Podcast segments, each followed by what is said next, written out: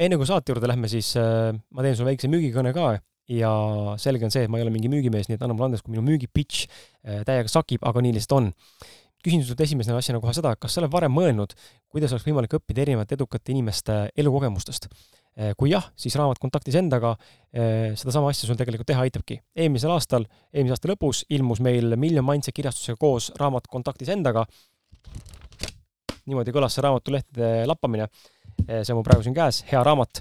ja see raamat eh, sisaldab siis neljakümne kuue erilise inimese lugu, mis aitavad sinul saavutada eneseteadlikkust, õppida end paremini tundma, saada vabaks oma piiravatest uskumustest ning elada seejuures kergemat elu, mis tegelikult ongi meie, meie kõigi eesmärk, vähemalt minu oma.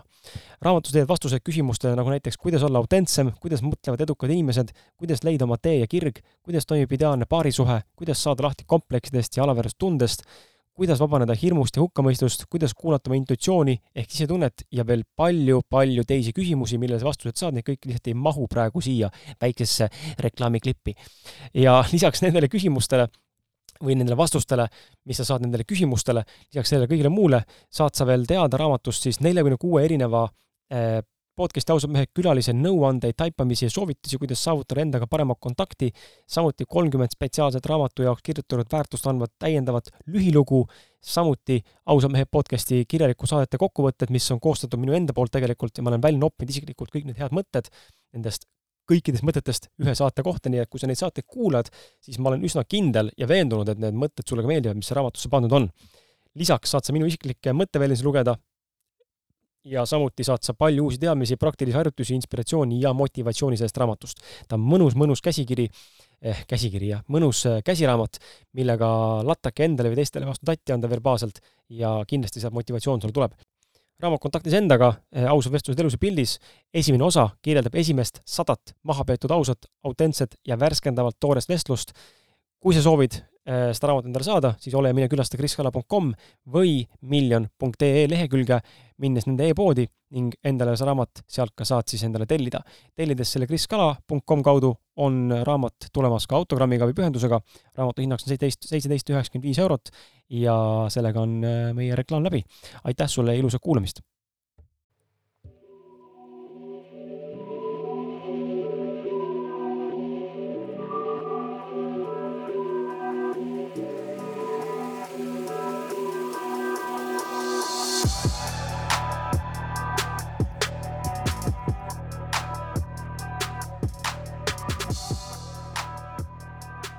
Ahahahhaa, halloo, halloo, tere tulemast kuulama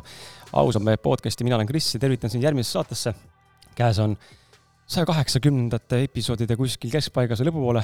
liigume üha edasi rohkem kahesajanda episoodi suunas. ja huvitav on mõelda tagasi sellele perioodile, kui me esimest episoodi tegime siin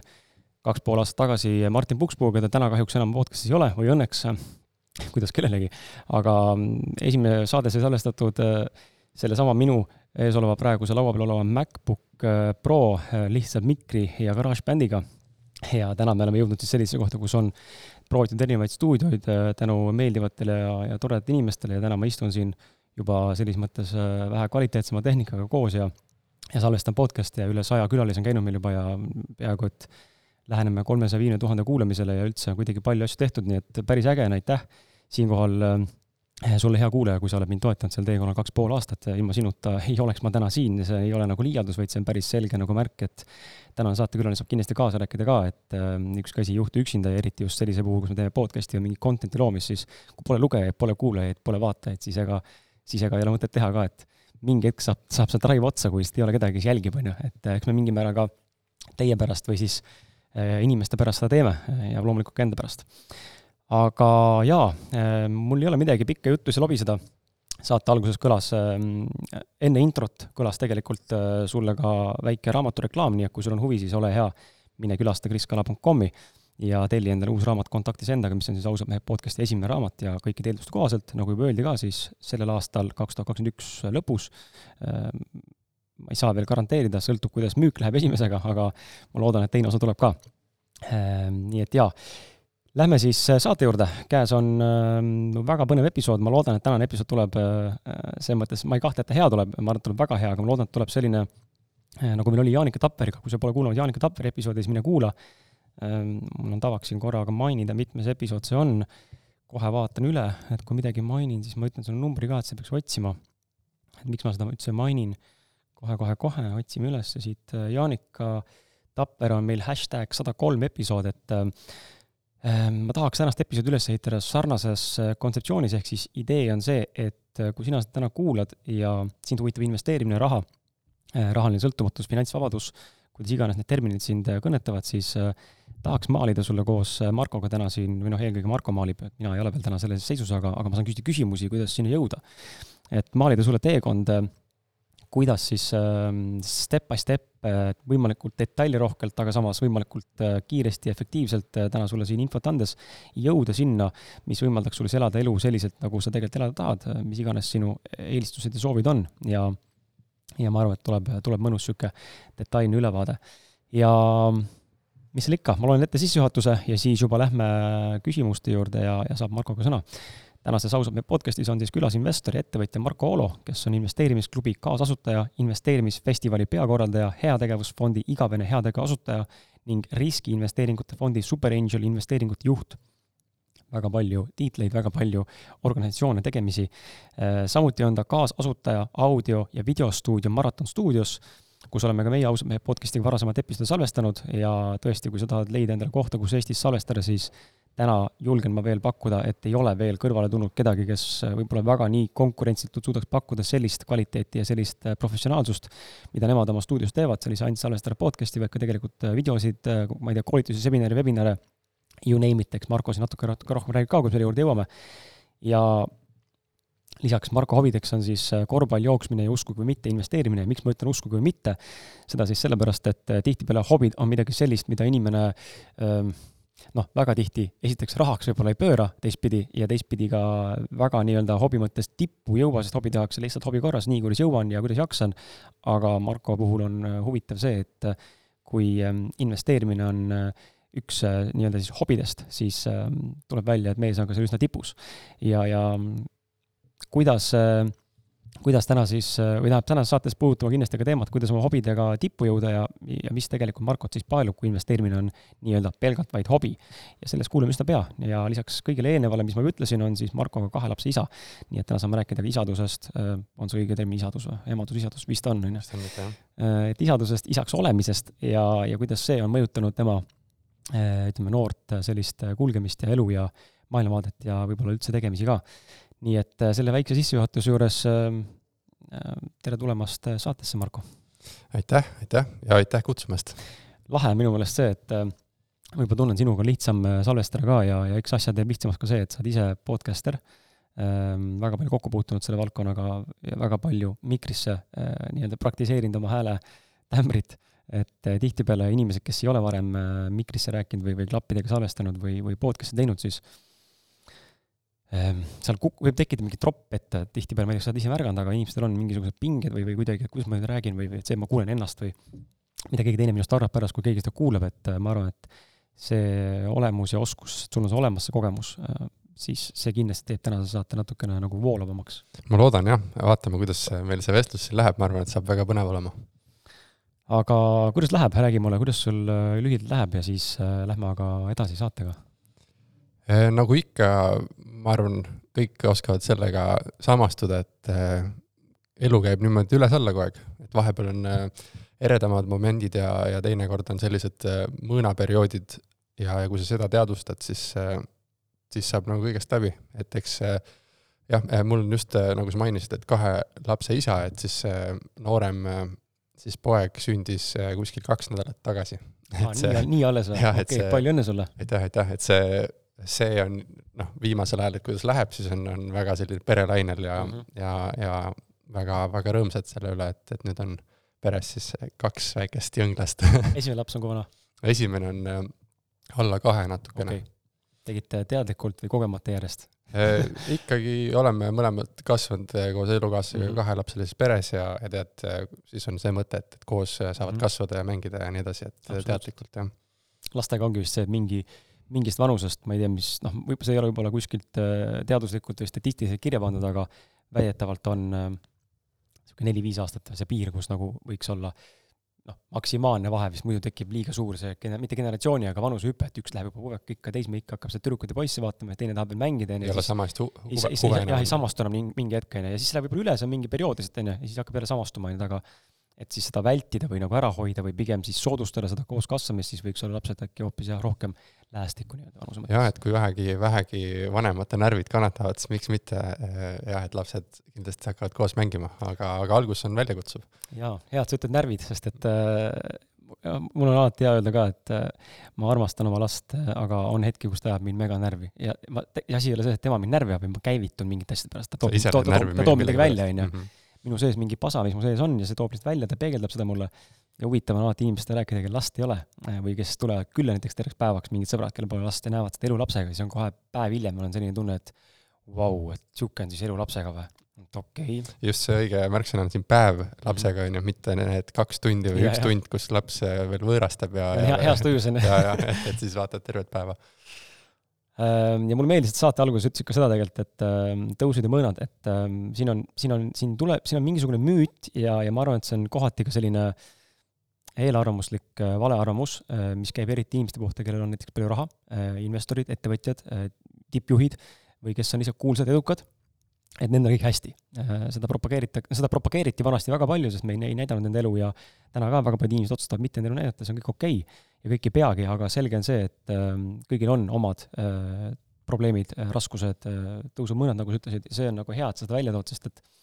ausalt, meie podcast'i üks eesmärkidest ongi panna meie kuulajad tundma, ta ei ole üksi, vahet pole, kas sa oled investor, oled sa kuradi koristaja, noh, mitte kuradi koristaja, aga käis siia juurde, et lihtsalt koristaja või kes iganes, on ju et äh, seal pole vahet, meil kõigil on need etapid, erinevad äh, tunded, erinevad emotsioonid, erinevad äh, raskused ja läbielamised ja põlemised ja, ja õnned ja edud. et äh, inimesel tekiks nagu see tunne, et ta ei ole üksinda, sest et me otsime tegelikult ju, mida me otsime, me otsime tegelikult ju seda, et kuulus kuskile mm. -hmm. ja ma arvan, et see on üks suuremaid selliseid avastusi olnud enda jaoks ka ja ma arvan, et kõigil läbi, läbi aja see nagu tekib, kui sa oled kogenud rohkem neid mõõnaperioode ja, ja, ja neid siis haisid või neid äh, kõrgeid perioode, kus sul on väga hea olla, et et nad niikuinii tulevad ja lähevad ja, ja isegi kui su tulemused kogu aeg paranevad, näiteks me räägime, kas me räägime rahast või spordist või vaimsusest, et kui sa kogu aeg praktiseerid seda, isegi nendel väga kaua praktiseerinud inimestel on täpselt needsamad äh, mõõnad ja ja, ja kõrged kohad, et lihtsalt kui sa seda oskad teadvustada, siis on väga lihtne sellest nagu üle olla nii-öelda, ennast mhm. kõrvalt vaadata ja, ja liikuda ikkagi oma eesmärkide suunas. et pole sellist äh, et ei ole olemas, noh, võib-olla on, eks ole, me pole võib-olla sinuga jõudnud sinna, me ei tea, onju, aga võib vist oletada tänase kogemuse pealt koos, et ei ole olemas veel sellist etappi, kus nüüd oleks nagu sada protsenti bliss nagu elu, elu lõpuni, onju. on kogukondi, kes liiguvad valgustumise suunas ka ja, ja räägivad, et on võimalik siis mingite praktikate abil aina rohkem seda meeleseisundit nagu saavutada mm, -hmm. aga, aga seal sinna jõudmine päriselt, siis äh, nii palju, kui ma olen aru saanud või kuulnud, et siis see tähendaks äh, siit ilmast nagu lahkumist mm. -hmm et, et selles mõttes, kui me siin räägime ikkagi oma, oma maisest teekonnast ja, ja, ja oma, oma väljakutsetest, siis ilmselt äh, tuleb ikkagi neid mõõnu ka taluda. aga lähme siis äh, klassikalise küsimuse juurde, ausalt, meie podcast'is esimene küsimus alati on see, et räägi enda lugu ähm, ja nüüd siinkohal ma annan sulle vabad käed, äh, alusta sealt, kust tahad, lõpeta sealt, kust tahad. otsapidi võiks kuidagi nagu aru saada inimene, kus sa tulnud oled ja kuhu sa jõudnud oled ja siis hakkame edasi rullima mm. -hmm. hea küsimus, selles mõttes, et see on alati äh, kui mingist praktilist asjast rääkima hakata, siis alati peab aru saama, kust inimene tuleb ja, mis ta taust on, et ma olen siis äh, Tartust äh, pärit, äh, Tartus kasvanud, sündinud ja koolis käinud kuni siis gümnaasiumi lõpuni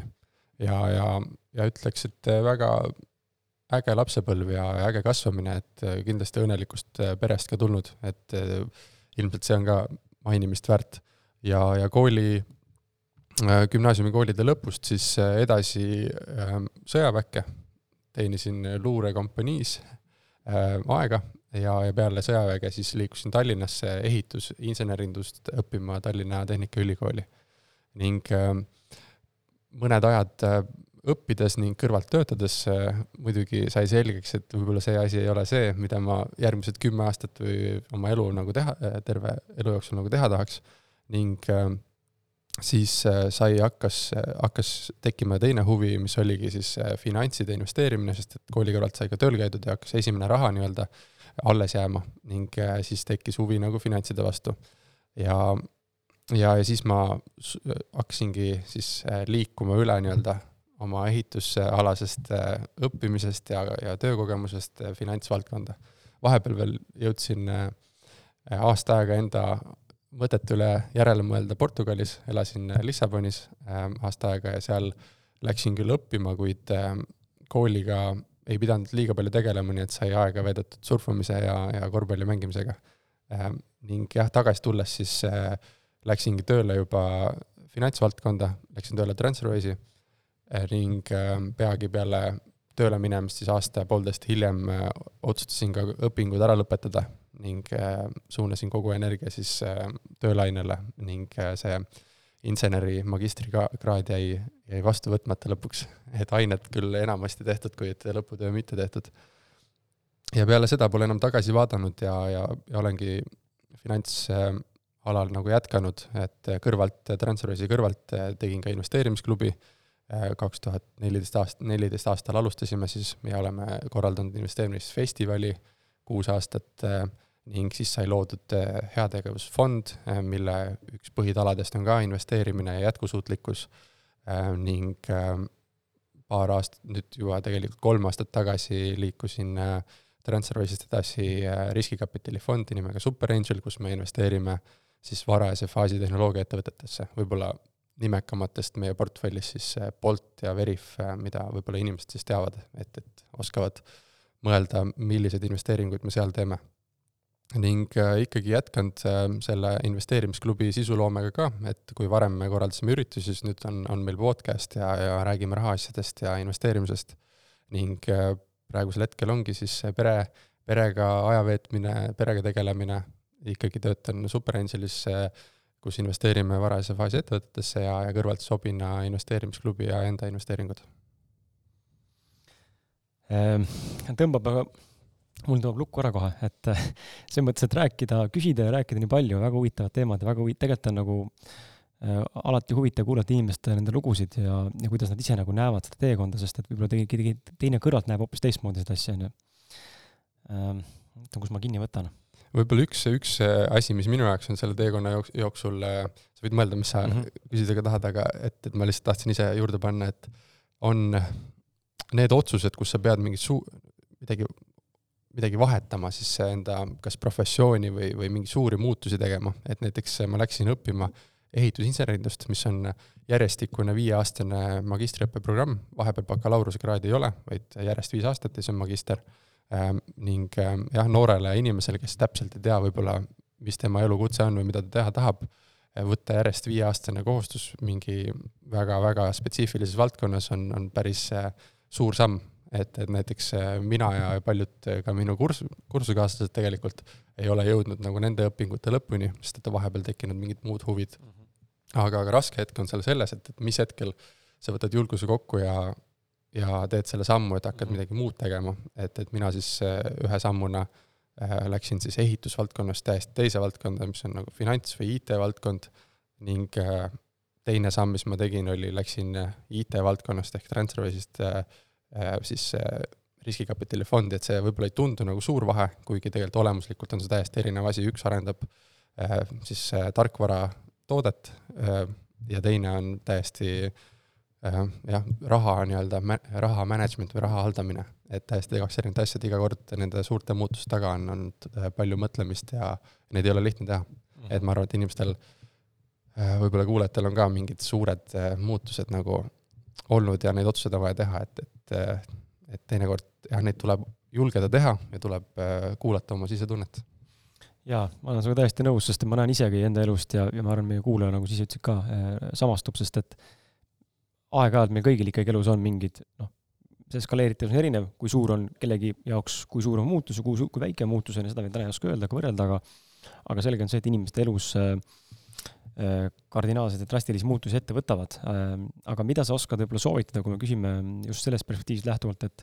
kui mul täna on käes olukord, kus ma ei soovi enam olla, seal puudub ambitsioon, ma tunnen, mul huvi hakkab kaduma, äh, ma olen võib-olla isegi pädev selles ja ma olen tegelikult päris kõva vend selles, et mugavustsoon on kätte jõudnud võib-olla, aga tegelikult mind huvitab miski muu veel,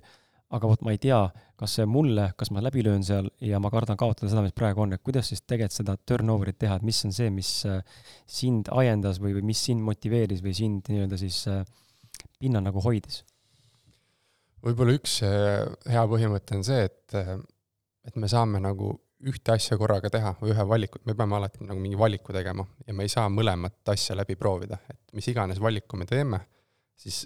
inimestena me oleme nii üles, üles ehitatud, et me paneme alati need asjad enda jaoks tööle, mis me valinud oleme. sest et see on eksistentsiaalne, et me ju ei anna alla ja mis, mis siis saab, et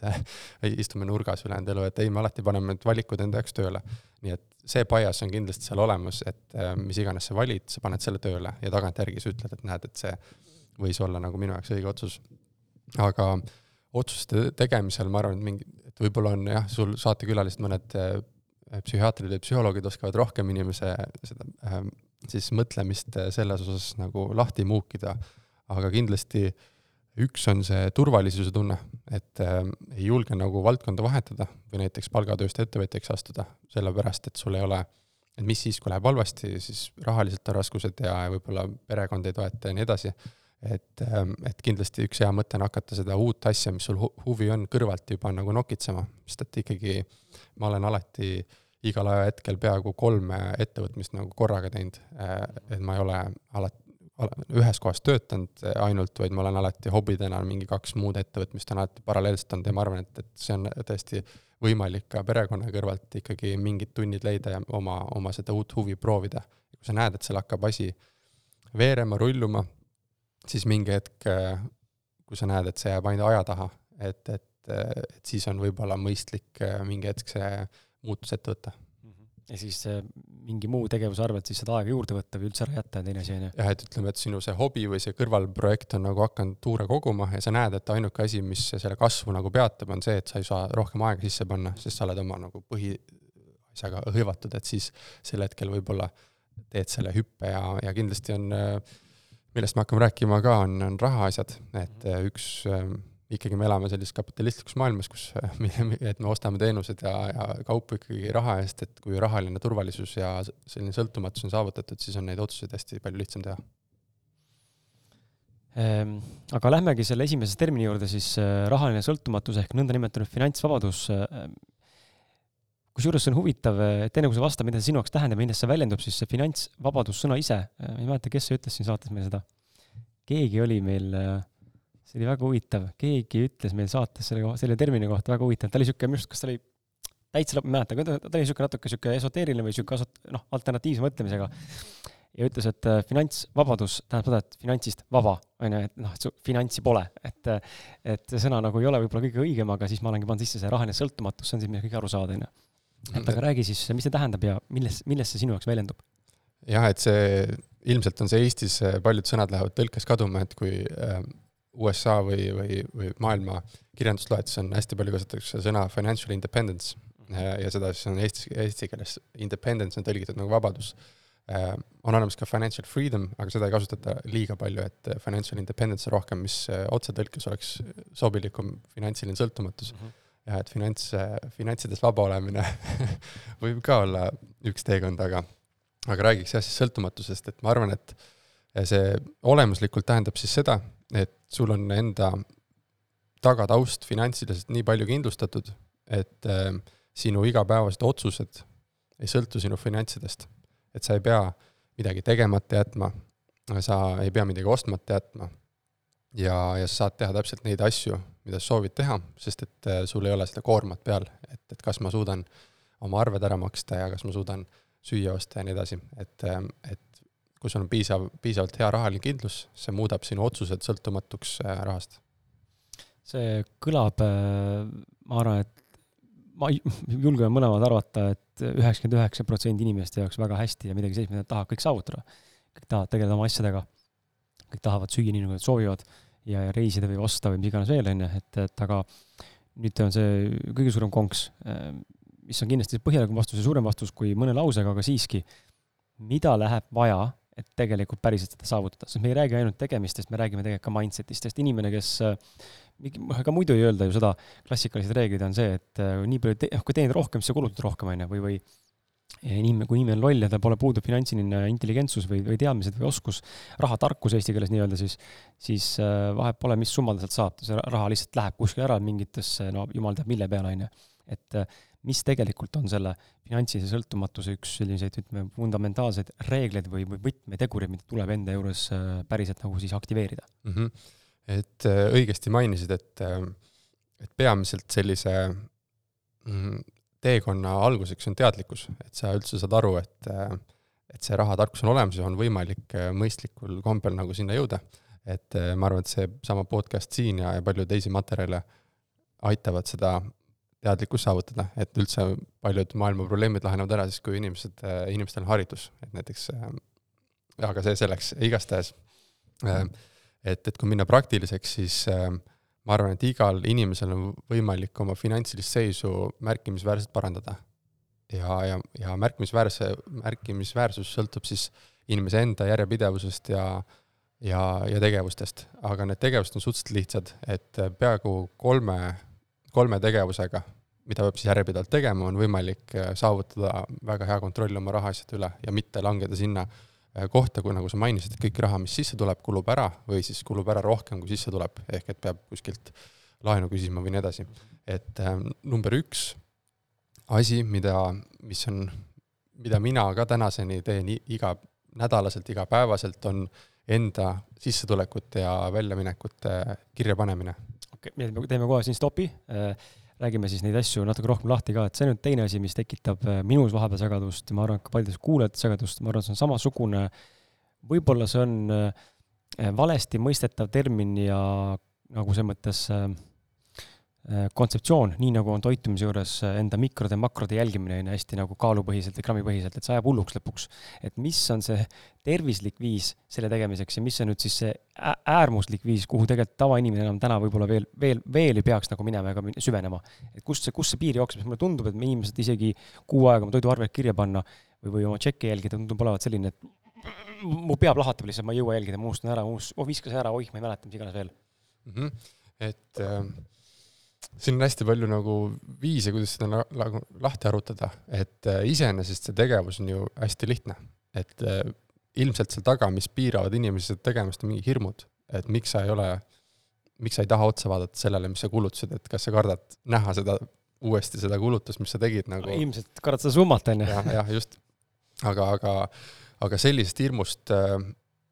jah, et noh, me teame, et kui tahad hirmu ületada, siis peab sellele otsa vaatama ja sisse minema, et, et siis ma arvan, et et see ei ole nagu raske tegevus iseenesest neid kirja panna, et iga inimene on võimeline, kõik oskavad nagu viie, viienda klassi matemaatikani oskavad nagu arvutada ja rohkem ei olegi vaja. et peaaegu sellest piisab, et, et seda nagu väga edukalt teha. nii et äh, peab lihtsustama, noh, et ehitada seda, et see oleks võimalik igaühele, on äh, on ju need kuldsed reeglid, kuidas enda harjumusi nagu juurutada, et sul peab olema,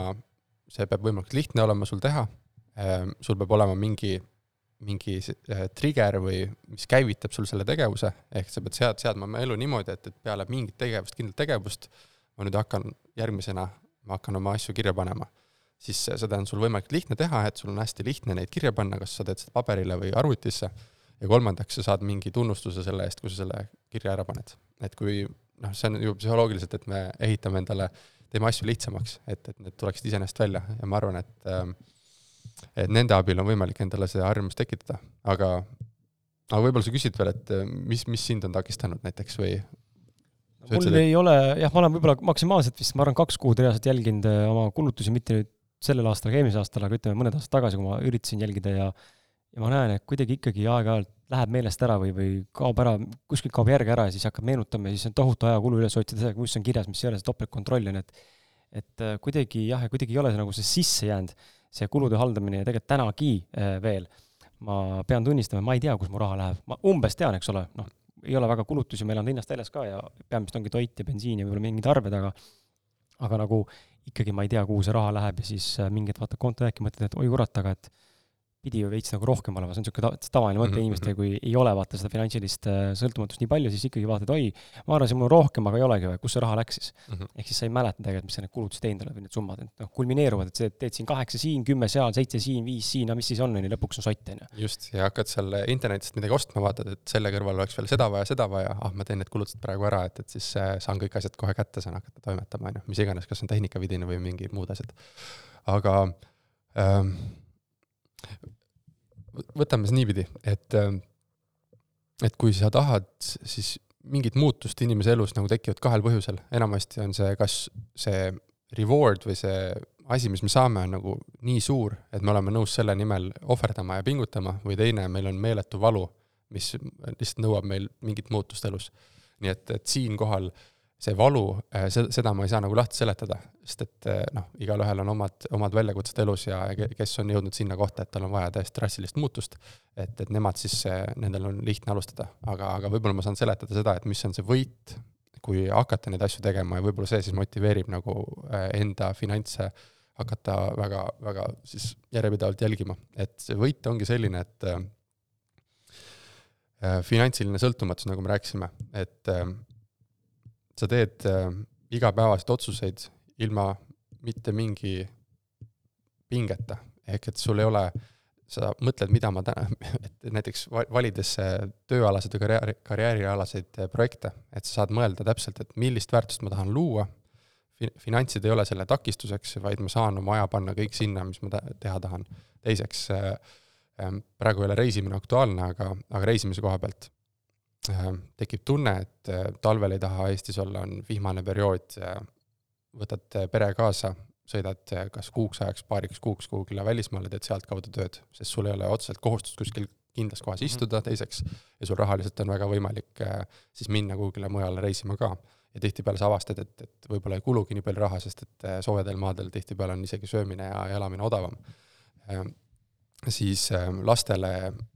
hea elu lubamine ja, ja hariduse pakkumine ja kõik need asjad, et need kõik tulevad mäng-, mängleva kergusega, et see, ma arvan, et see siis reward või sinna kohta jõudmine on väärt seda mõnda aastat pingutust, et oma finantse kirja panna. sa ütled mõnda aastat, aga kas see mõni aasta on siis pigem äh, selline teekond, et sa pead ikkagi väga teadma, mis sa teed, sul peavad olema head äh, sõbrad, hea tugi, hea, ma ei tea, kommuun, eks ole, info olemas ja ja sa pead nagu päriselt hagu andma. sest tegelikult ju noh, päris mõne aastaga inimesed ikkagi ei saavuta endale mingit sellist mõnusat stabiilset äh, sissetulekut või kohta nii-öelda oma elus. ma arvan, et minu enda näitel, et ma alustasin äh, ka siis põhimõtteliselt nullist ja olen siis äh, nii-öelda self, self-made enda nagu investeerimise ja finantside osas, et äh, et ma arvan, et tekib äh, väga hea koht kuskil kolme-nelja aastaga, et minul tekkis nagu kolme-nelja aastaga ja esimesed, esimese aasta muidugi nagu pidid teadlikult hästi tegema, teine aasta juba tegid ka teadlikult, aga, aga läks, noh, harjumus oli päris tugev juba, kolmas aasta tegid ka, kuigi nägid, et väga palju progressi veel ei ole, et, et võiks nagu rohkem olla, aga kuskil kolmanda-neljanda aasta vahepeal hakkas tekkima selline momentum juba, kust hakkas portfell veidi kasvama, tekkis mingi liitintress, hakkasid mingi lisasissetulekud tulema et, et ma ütlen, et see, kui midagi järjepidevalt teha nagu kuskil kolm-neli aastat, eriti finantside puhul, siis ma arvan, et selle ajaga hakkab tekkima mingi esimene selline päris äge tunne juba, et näed, et see asi töötab tegelikult ka. Ja, ja muidugi päris äh, finantsilise sõltumatuseni jõuda niimoodi, et su siis investeeringutest tulev tulu katab ära kõik sinu igapäevased kulutused, et see siis olenevalt inimesest võtab ikkagi aas-, aega, äh, minul on ta võtnud aega kuskil kuus-seitse aastat, aga ma ei, ma julgeks öelda, et kümme, kümme aastat või rohkem natukene ikkagi läheb aega, et, et, et sinna jõuda. et oleneb, kui, kui aktiivselt sa tegeled aga ikkagi see suht-, suhteliselt väike tegelikult periood, ma mäletan, mul oli, tekkis sama mõistmine siin, noh, ma olen täna kakskümmend üheksa, pole investeerimisega tegelenud, otseselt krüptovaluuta on ainuke asi, millega tegelen viimased paar aastat, aga muidu klassikalistesse aktsiatesse ja muudesse fondidesse nagu ei ole nagu huvi olnud. raha maailma vastu üldse vähe huvi olnud, siis ma olin seal Vallo Arumäe rahatarkuse koolitusel ja siis ta nagu mainis ka seda, seda teema teemat ja kuidagi pärast seda äh, koolitust nagu tuli mulle see reaal-, mõistmine, mitte realisatsioon, realisatsioon on teine sõna, mõistmine, tuli, et äh, kurat, et kui täna alustada ja neljakümneselt olla nagu sellises seisus, kus on hästi, siis tegelikult see ei ole ka halb, nagu nelikümmend on jälle see elu väga nagu, mis on alla poole elu võib-olla, on ju, väga hästi läheb. et tegelikult kümme aastat pingutada või üksteist aastat pingutada ja tõesti võtta nagu rahulikult, mitte nagu rapsivalt muude asjade kõrvalt. see tundus olevat niisugune nagu no-brainer, et äh, okei okay,, kus ma peale hakkan nagu mingi, mingi arusaam on see, et, et kui ma hakkan seda, et kümme aastat, et nüüd ma pean kümme aastat täiesti nagu elust endast ära lõikama, tegelikult see on midagi muud, et tegelikult sul hakkab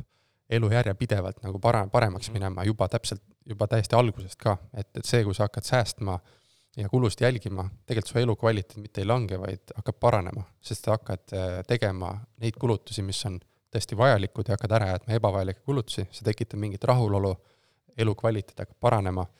ma võin hästi palju näiteid tuua, mis hakkab juhtuma, kui sa hakkad raha säästma ja, ja mis, mis ei ole elukvaliteedi vähenemine, vaid hoopis, hoopis vastupidi, paranemine. et sellest võime nagu ka rääkida, aga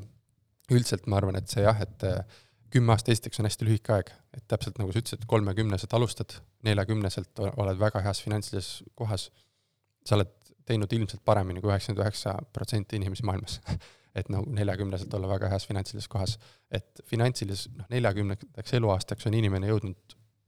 enamasti viisteist aastat nagu üldse tööd teha, sest et kahekümne viiendani käiakse ülikoolis. Äh, nii et äh, sa oled nagu enamus inimestest ilmselt siis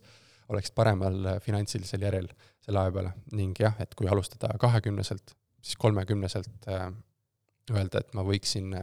pensionile minna, see on nagu täiesti utoopia valdkonnast juba, on ju. et neljakümneselt öelda seda on ka utoopia valdkonnast, viiekümneselt jällegi palju paremini, kui meie vanemad ilmselt on, on suutnud, on ju.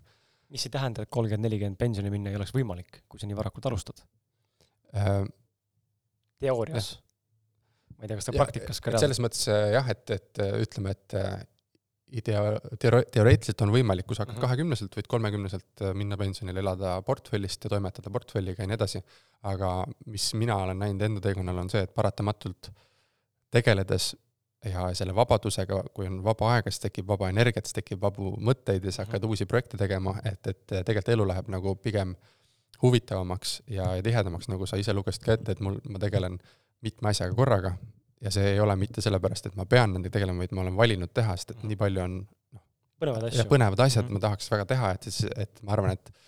et randa istuda maha ja kokteili ette võtta kolmekümneselt, siis äh, võib-olla pool aastat tahad seda teha, aga siis sa tuled tagasi ja ütled, tahaks midagi nagu ära teha. et äh, eluenergiat on nii palju sees. sa rääkisid äh, kahest viisist, kuidas inimene hakkab muutust tegema, üks on valu ja teine on siis see reward ehk tasu. ma küsin siis endast tulenevalt teise küsimuse, ma arvan, et kuulajad, mõni kindlasti võib samastuda ka, et mis siis, kui valu on juba käes ammu, on ju, aga ei on äh, kaks küsimust, kas ei tea, kuidas edasi minna, äh, ei oska edasi minna või siis paneme kolmanda variandi juurde, elu ei toeta seda edasiminekut. noh, mis iganes see tähendab kellegi jaoks, on ju, et tegelikult vastutus oma enda peal, aga, aga justkui tundub nagu näiliselt, et kuidagi nagu ei lähe, noh, ma näiteks toon nagu näite sulle, mis ma mõtlen sellele, on see, et praegu otsisin, hakkasin eelmise aasta lõpus tööd otsima äh, uuesti ja no ei leia ei, ei saa noh, saad aru, see on nii jabur lihtsalt, et okei okay,, mul ei ole ka haridust võib-olla mingisugust kuskile väga kõvale positsioonile saada, kogemust on jaekaubanduses ja ja, ja üldse poe juhtimises juh, juhina mingil määral olemas äh,, aga ei saa kuskile ja siis lõpuks isegi näed, et isegi kuskile pagarikotta pakendajaks ei võeta. noh, et nagu lihtsalt ei võeta, on ju, siis tekib tunne nagu, et okei okay,, aga mis see siis nagu tähendab? et äh, mis sinu mõtted on? Siis tuleb see mängu nagu äh, cashflow mängus on, et äh, la-, lae-, laena ennast äh, lõhki, kasuta seda head laenu selleks, et siis leverage ida midagi head ära teha ja siis saad äkki välja või? oraratast nii-öelda. jah, ma, ma nagu siin jätaks laenu praegu kõrvale kohe, et, et laenu, laen on nagu selline instrument, millest väga teadlik olema, aga, aga jah, et sa ütlesid hästi, see keskkond ja toetavat keskkonda, et, et seda on vaja küll nagu looma hakata, et kui sa juba tead nagu enam-vähem, mis suunas sa tahad minna, siis tuleb hakata äh, Äh, lugema sellist kirjandust, äh, selliseid artikleid, mis toetavad seda, ümbritseda ennast nende inimestega, mis on nagu kõige tähtsam, kes siis äh, juba tegelevad selles valdkonnas nende, nende asjadega või üldse toetavad inimesed ja, ja luua seda ümbruskonda endale. ja, ja tuleb hakata, ma arvan, noh, ma praegu improviseerin ka, et, et mhm. ühest vastust ilmselt ei ole, kuna see on nii, elu on nii komplekssüsteem, et siis on komplekssed vastused. aga, aga mulle tundub, et tuleb tekitada mingit eduelamust väikeste asjadega et kas võttagi mingi väiksemaid tööampse, mida on võimalik teha, äh, ma arvan, et mingite portaalide kaudu on isegi võimalik mingeid äh, kergemaid töid leida, et lihtsalt tekitada selliseid väikseid ampse võtta, mis on, mis ei ole mingi võib-olla teab mis äh, stimuleeriv ajule mingi töö, vaid lihtne töö, aga, aga samas võtta seda kui ägedat kogemust, sest et ma räägin siia loo, et mul on paar tuttavat, kes on ka finantsidega ähm, kaua tegelenud ja finantsidega heal järel ja nende nagu üks unistus on see, et, et nüüd, kui on finantsidega väga hästi, siis võiks mingi hetk nagu praegustelt töökohtadelt ära tulla ja siis natuke aega perega olla, aga siis võiks hakata tegema mingeid juhutöid. et minema, minna lihtsalt äh, paariks kuuks trammijuhiks, äh, minna puid laduma, minna kuhugile konveieri peale tööle, et lihtsalt hakata kogema, mida nagu tavainimesed nagu kogevad. et nagu lõpp, see on see, noh, et lõpuks jõuad siinsamma tagasi välja, et miks mitte siis kohe, kui juba raskes kohas olla, hakata neid väikseid ampse tegema ja mõeldagi, et näed, et nüüd ma saan proovida nii palju eri asju, tekib mingi võidu maitse suhu, väike lisa, väike tasu ka hakkab tekkima ja, ja nii see energia hakkab nagu ennast vahetama ja lõpuks äh, ma arvan, tekivad need töökohad ka, mis hakkavad, äh, hakkavad ennast äh, välja pakkuma, et minu, ma töötasin ülikooli ajal või gümnaasiumi lõpus nõudepesi, nõudepesijana, sellepärast et, et pesin nõusid ja samal ajal olid kõrvaklapid peas, et saaks nagu audiobook'e kuulata et tundus kõige parem töö, mida, mida teha, sest et noh, keegi ei sega ja, ja saab õhtuti teha peale kooli ja nii edasi äh,. ning äh, ma sain umbes nädal aega neid nõusid pesta, kuni tuli see restorani omanik ja ütles, et sa oled nii asjalik vend, et sa võiksid baar, baari tulla tööle. ja siis ta automaatselt nagu tõmbas mind sellest nõudepesija ametist nagu baarmeniks ja ettekandjaks äh, ning nii need nagu väiksed asjad hakkavad tekkima, et sa lähed, teed seda väikest ampsu, aga inimesed märkavad, et sa teed seda pühendumisega hästi ja, ja võib-olla sealt on võimalik edasi liikuda. Okei okay,, aga äh, hakkame siis äh, kuskilt otsaga peale, et äh, natuke tegelikult juba oleme siin nipet-näpet, tundub, et päris paljusid küsimusi tegelikult puudutanud, aga mind huvitab nüüd see praktiline pool, et okei okay,, kuidas päriselt alustada investeerimisega, see on midagi, millest noh, taaskord jälle mina noh, ma saan, ma tegelikult vastust tänu krüptovaluutale täna tean, et ka mitte midagi ei teadnud ja siis lõpuks hakkad mõtlema, et aga ma tahaks pihta hakata, kus ma siis hakkan, siis hakkadki lugema mingeid basic asju, lõpuks tead üles mingi muu info, et aa, siin on mingi e-wallet on ju, siin on mingisugune kauplemiskoht, siin on mingisugune, ma ei tea, hoiustamise koht, siin on sinu mingisugune rahakott, siin on sinu mingi muu konto on ju. aa, siin saab uudiseid jälgida ja see aga et räägi sina, kuidas siis läbi klassikalise investeerimise aktsiatesse ja, ja ma ei tea, millisesse dividendi, dividendiaktsiad või mis need indeksfondid või mis iganes on, ma seda maailma väga hästi ei tunne, aga mis need erinevad terminid on, kuhu saab täna investeerida ja valdkonnad, et kuidas nagu päriselt hakata, mis on need sammud, kuidas ma päriselt peale hakkan, et kui täna nüüd noh, kujuta seda ette selliselt, et meil tuleb, me tahame sinuga vaata teha tegelikult ka nüüd sellel aastal, ma tahan ära teha selle live podcast'i investeerimisteemadele. aga, aga see küsimus jääb sinna ka sisse, aga just nagu tänasesse konteksti ka tuues, et et kuidas nagu päriselt, kui me nüüd istume siin koos sinuga nii ja nüüd ma tahaks hakata, vot praegu tahaks hakata sinuga investeerima, mis ma pean nüüd praegu kohe tegema hakkama mm? -hmm. Ma seon nagu paar, paar asja kokku, et ma arvan, et, et tõesti, ma arvan nagu südames seda, et, et mul on olemas nagu need mõned tööriistad, mida ma saan nagu kõigile siin soovitada, mis aitavad igalühel, nagu ma rääkisin, mõne aastaga jõuda paremale järjele, kui nad täna on ning äh, võib-olla see on nagu kõige praktilisem alguspunkt, et kui ma hakkaksin, hakkaksime kohe siin rääkima praegu, et mis on äh, erinevad investeerimisinstrumendid, siis ilmselt ähm, ähm, võib-olla see tundub huvitav, võib-olla paljud kuulaksid edasi, aga võib-olla paljud lõpetaksid kuulamise, kuulamise, sest et see on juba, et kui mul täna raha, rahagi ei ole mm, -hmm. kuidas ma siis seda nagu hakkan siis investeerima, et äh, et mina, mina teen täna tehinguid nagu mingi tuhandetes eurodes, aga kui mõnel inimesel ei ole, ei ole kümmetki eurot või sadat eurot, et kuidas siis see on nagu kaks mm -hmm. eri maailma, on ju. et lähme samm-sammult, aga ma arvan, et, äh, et kui ja sa saad ise tagasisidet anda, et ma soovitan siis äh, samal ajal sulle ka, et üks asi on see sama asi, mis on minu jaoks, ma ütlen, äh, ma olen tegelenud investeerimisega, aga siiski minu jaoks kõige tähtsam asi on nende sissetulekute, väljaminekute jälgimine. ma olen teinud seda seitse aastat järjest ja, ja mul on seitsme aasta kõik sissetulekud ja väljaminekud kirja pandud Exceli tabelis, mul on see, need endal kõik arvutis olemas, et ma saan tagasi vaadata, mis ma tegin kaks tuhat kolmteist, neliteist, viisteist, kuusteist, seitseteist, kaheksateist, üheksateist. aga miks see vajalik näiteks on nüüd tagasi, tagasivaatamise mõttes? et äh, siis, äh, kui tahad mingis valdkonnas tegeleda, siis on vaja teada, mis su, mis su olukord on, mis su lähtepunkt on. et äh, ja, ja mis ma avastanud olen, paar nuggetit on sellised, et kui ma olen kirja pannud oma sissetulekuid, väljaminekuid versus see, kui ma olen tunnetuslikult teinud, see vahe on umbes kakskümmend protsenti. ehk et ma kulutan kakskümmend protsenti rohkem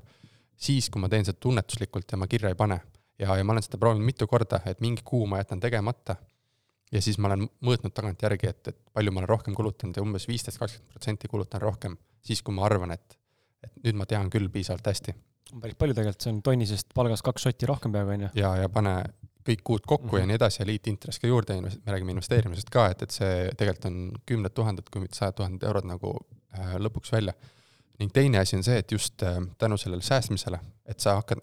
kui sa näed, kuhu sa kulutad, sa saad ära jätta mingeid kulukategooriaid, kuluallikaid ja tänu sellele saad säästa. hakkavad säästud tekkima, siis, siit hakkab tekkima see, see puhver, mille abil saad enda elu kindlustada teiseks saad hakata investeerima. et, et sellepärast ongi see kõige tähtsam, et, et, et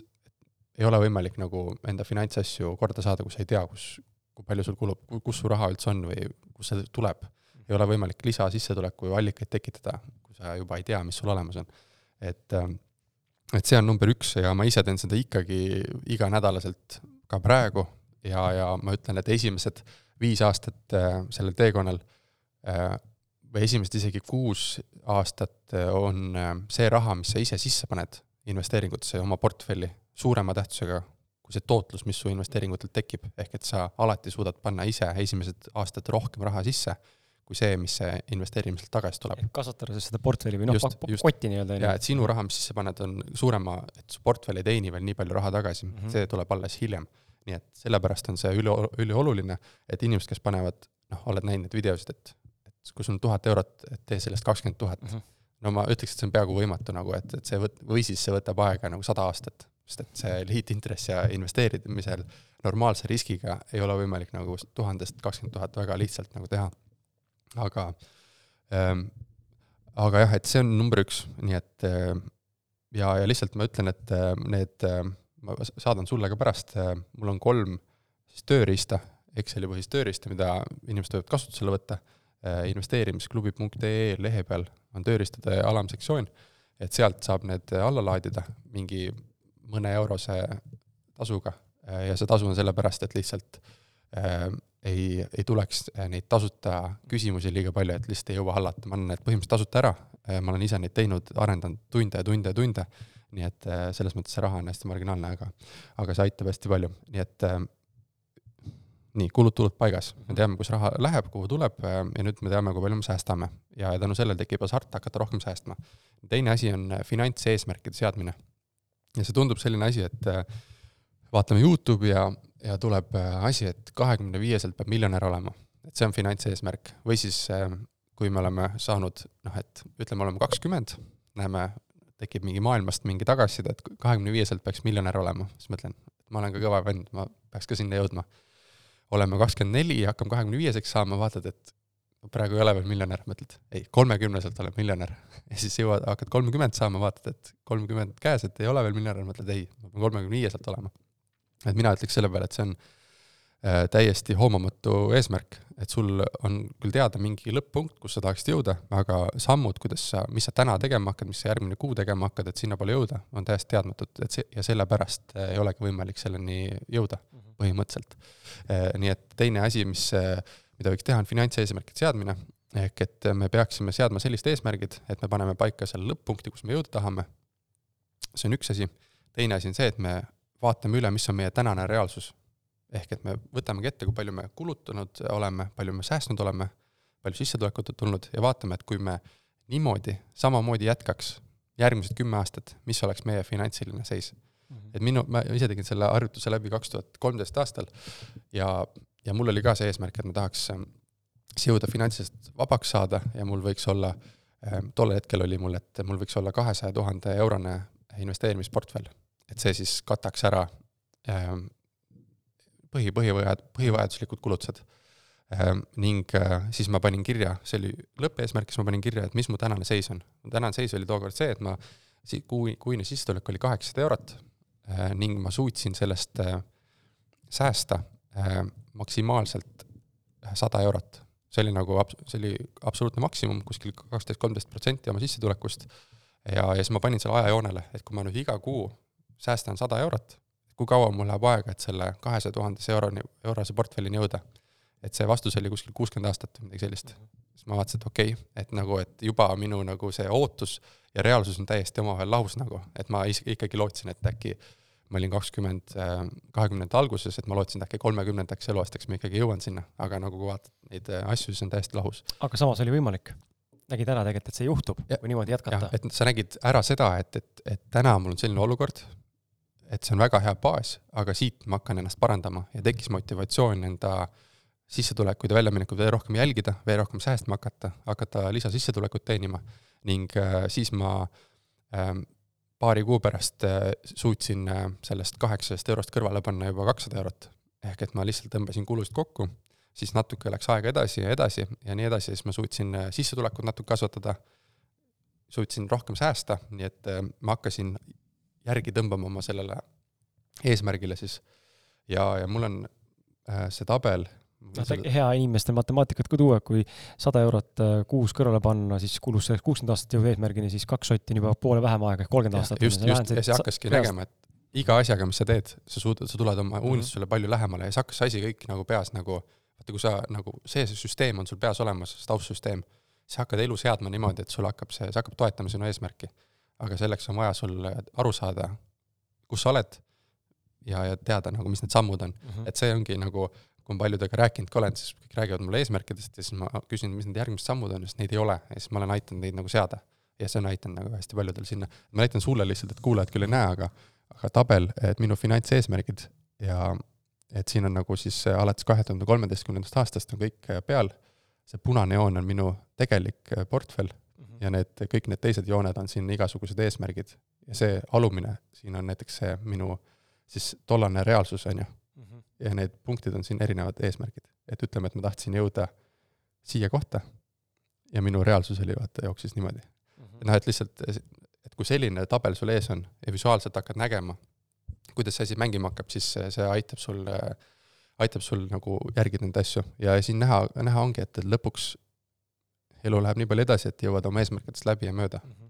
aga, aga see nõuab jah, sellist, et minul on see võtnud aega siis umbes seitse aastat, et jõuda nagu märkimisväärselt kaugemale äh, kui ma oleks äh, isegi arvanud jõuda selle aja peale, aga, aga seitse aastat on pikk aeg aga nüüd, kui sa oled kaugemal, kas nüüd tuleks uuesti re-eesmärgistada või pigem on see, et sa lased lihtsalt voolavalt kulgeda ja teed nii tundepõhiselt? Äh, ma olen äh, nüüd viimased, ütleme, kaks,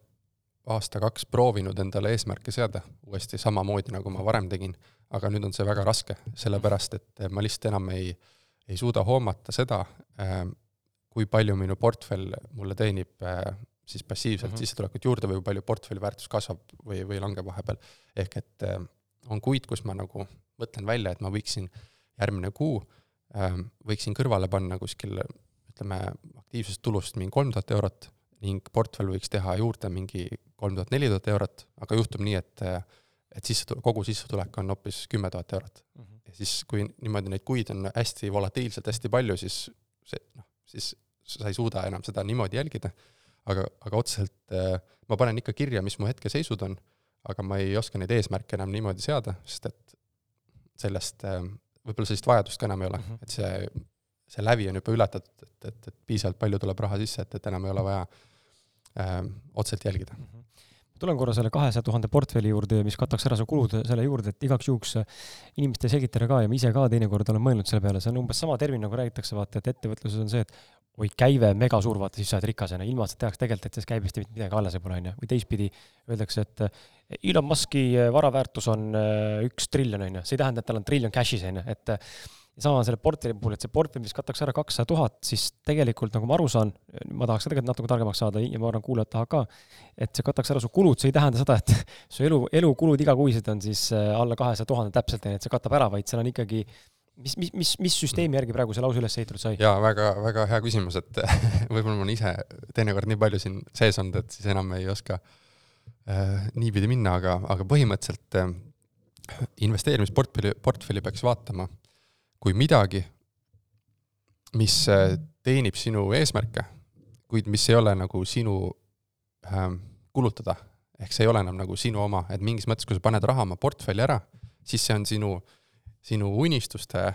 nii-öelda äh, fond nii-öelda. Ja sealt sina endale nagu raha ei võta, ehk et see kakssada tuhat eurot oleks sinu portfelli väärtus, mis teenib mingit, äh, mingit tulu aastaselt, ütleme, et see on näiteks kümme protsenti aastas, kahesaja, kahesaja tuhande euro pealt teenida kümme protsenti aastas on kakskümmend tuhat eurot. kakskümmend tuhat eurot jagada ära kaheteist kuuga teeb mingi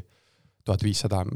peale midagi sellist eurot, on ju, ja siis see ongi see passiivne tulu, mis sa saad, mis kataks ära sinu kulutused siis, et sul, kui sa, kui sa teenid kahesaja tuhandese portfelliga üle tuhande viiesaja euro kuus, siis sinu kulutused võiksid olla vähem kui tuhat viissada eurot kuus, siis okay. sa oled nagu ja sõltumatu. okei okay,, nüüd see on selge, muidu võib-olla siin, mitte et mul enda korra tekkis ka see mõte, aga ma kujutan ette, mõned inimesed mõtlevad samamoodi, kui sa ei tea neid termineid ja neid asju ei tea, siis kuidas see matemaatiliselt jaotub, pead sa lahti kaardistad selle, aga võib tekkida tunne, et tõesti, et kakssada tuhat on portfell, mis katab ära mu iga, kui see kulud on ja siis on see, et okei okay,, oot, aga Marko siis, mis tal siis on mingi, mis tal siis need kulud on, sada tuhat kuus või nagu mida kuradit, onju. ma sinna küll kunagi ei jõua, aga see, et sa lahti seletasid praegu on väga hea. jah, et just, et see, see nagu, see, see on see nii-öelda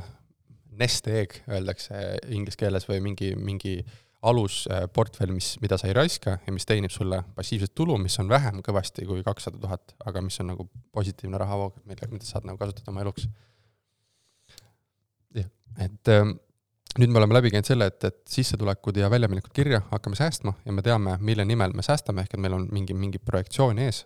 ja, ja kolmas asi ongi siis äh, tegelikult siis me saame hakata neid äh, sääste paigutama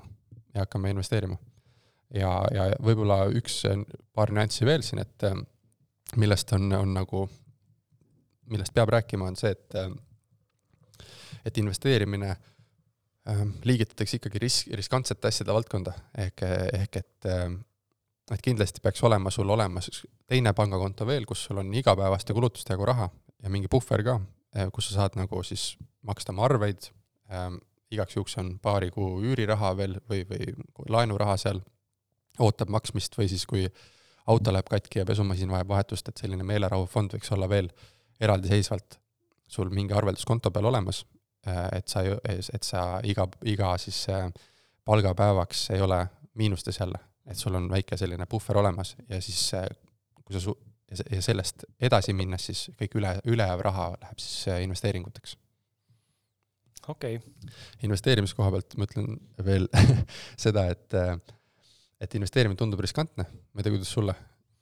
kas, ei tundu täna enam riskantne, kui ma krüptoturul, noh, kui ma vaatan krüptoturgu, siis selle kohta öeldakse, et see on liiga riskantne ja liiga hull, sest et seal on väga volatiilne, ta on nagu hullud kõikumised, tõesti seal ma olen näinud isegi enda, enda puhul neid summasid, mis, kus sul juhtubki tonnist saab mis iganes X number, onju. ja samas võib sellest X numbrist ka mitte midagi saada ühe sekundiga, onju, et et ma ei tunne, et see riskantne on, sa pead teadma, mis sa teed, nagu ise ütlesid ka ehm, ja ma arvan, et see on iga asja juures tegelikult on niimoodi, et kui sa, kui sul on see informatsiooni teadlikkus või nagu teadlikkus olemas, siis sa teedki, noh siis ei tundu enam nii riskantne. kui sa mitte midagi ei tea, siis tundubki sul ul- ulme ja hirmus ja, ja võimatu olevat. Mhm. et mina näen näiteks, mis on selline müütide kummutamine, et öeldakse, et investeerimine on väga riskantne. ja siis samas äh, on kõrval selline asi nagu mingite jõulukingituste ostmine või mingite uute vi- tehnikavidinate ostmine. et, et lihtsalt vana telefon töötab, aga ma tahaks välja vahetada, ostan endale uue tuhandese iPhone'i. või ka, või ka riiete, sul on kümme, kakskümmend paari teksapükse ja viis jopet, onju. just, aga, aga midagi meeldib, ostaks ühe paari veel, sada euri on ju. ja siis mina näen seda niimoodi, et kui sa lähed poodi, ostad asja, mida sul vaja ei ole, siis on sul miinus sada protsenti tootlus kohe. Sa oled sellest rahast ilma. jah, sa oled sellest ilma. et kõige riskantsem asi, mida sa teha saad, sa oled sellest rahast kohe ilma. kui sa investeerid selle raha, sul on võimalus, suur tõenäosus seda mõistliku riski juures kümme protsenti aastas, okei okay,, võtame viis protsenti aastas kasvatada, ehk et natukene kasvatada. ja, ja võib-olla ta natukene väheneb, ehk et võib-olla tast jääb alles sajast eurost jääb alles üheksakümmend viis eurot. aga sa ei kaota seda kogu, kogu raha, et minu meelest on ebavajalikud kulutused on palju riskantsem kui investeerimine. Ehm, tahtsid sa midagi lisada või? palun, küsi. siin tuleb lihtsalt mängu see, mul tegelikult hea meel, et sa näite tõid siia, et kaotad sada protsenti oma nii-öelda investeeringust onju, et tootlus on miinus sada. Et äh, mul oli kunagi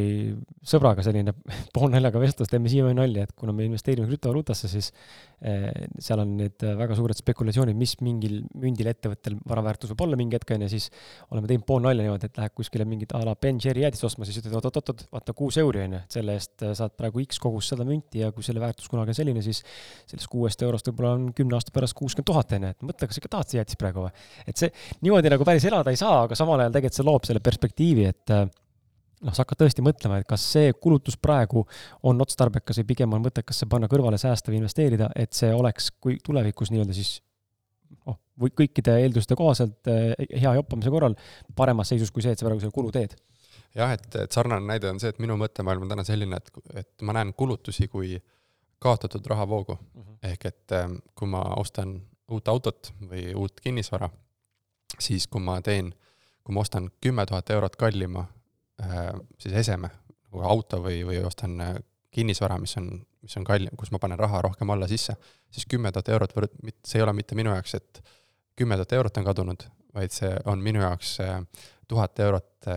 aastast rahavoogu ehk et kümne, kümne tuhande euro pealt on võimalik näiteks teenida kümme protsenti aastas tootlust, mis on siis, on siis äh, tuhat eurot äh, aastas. nii et ma näen igat asja, kui ma mõtlen, et mis see kulutus on, siis ma näen, kui palju ma aastas annan nagu raha ära passiivselt.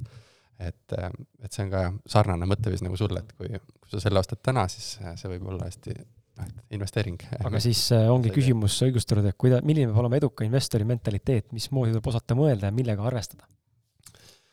ma arvan, et minu selline koolkond või, või investeerimise mõtteviis on see, et ähm,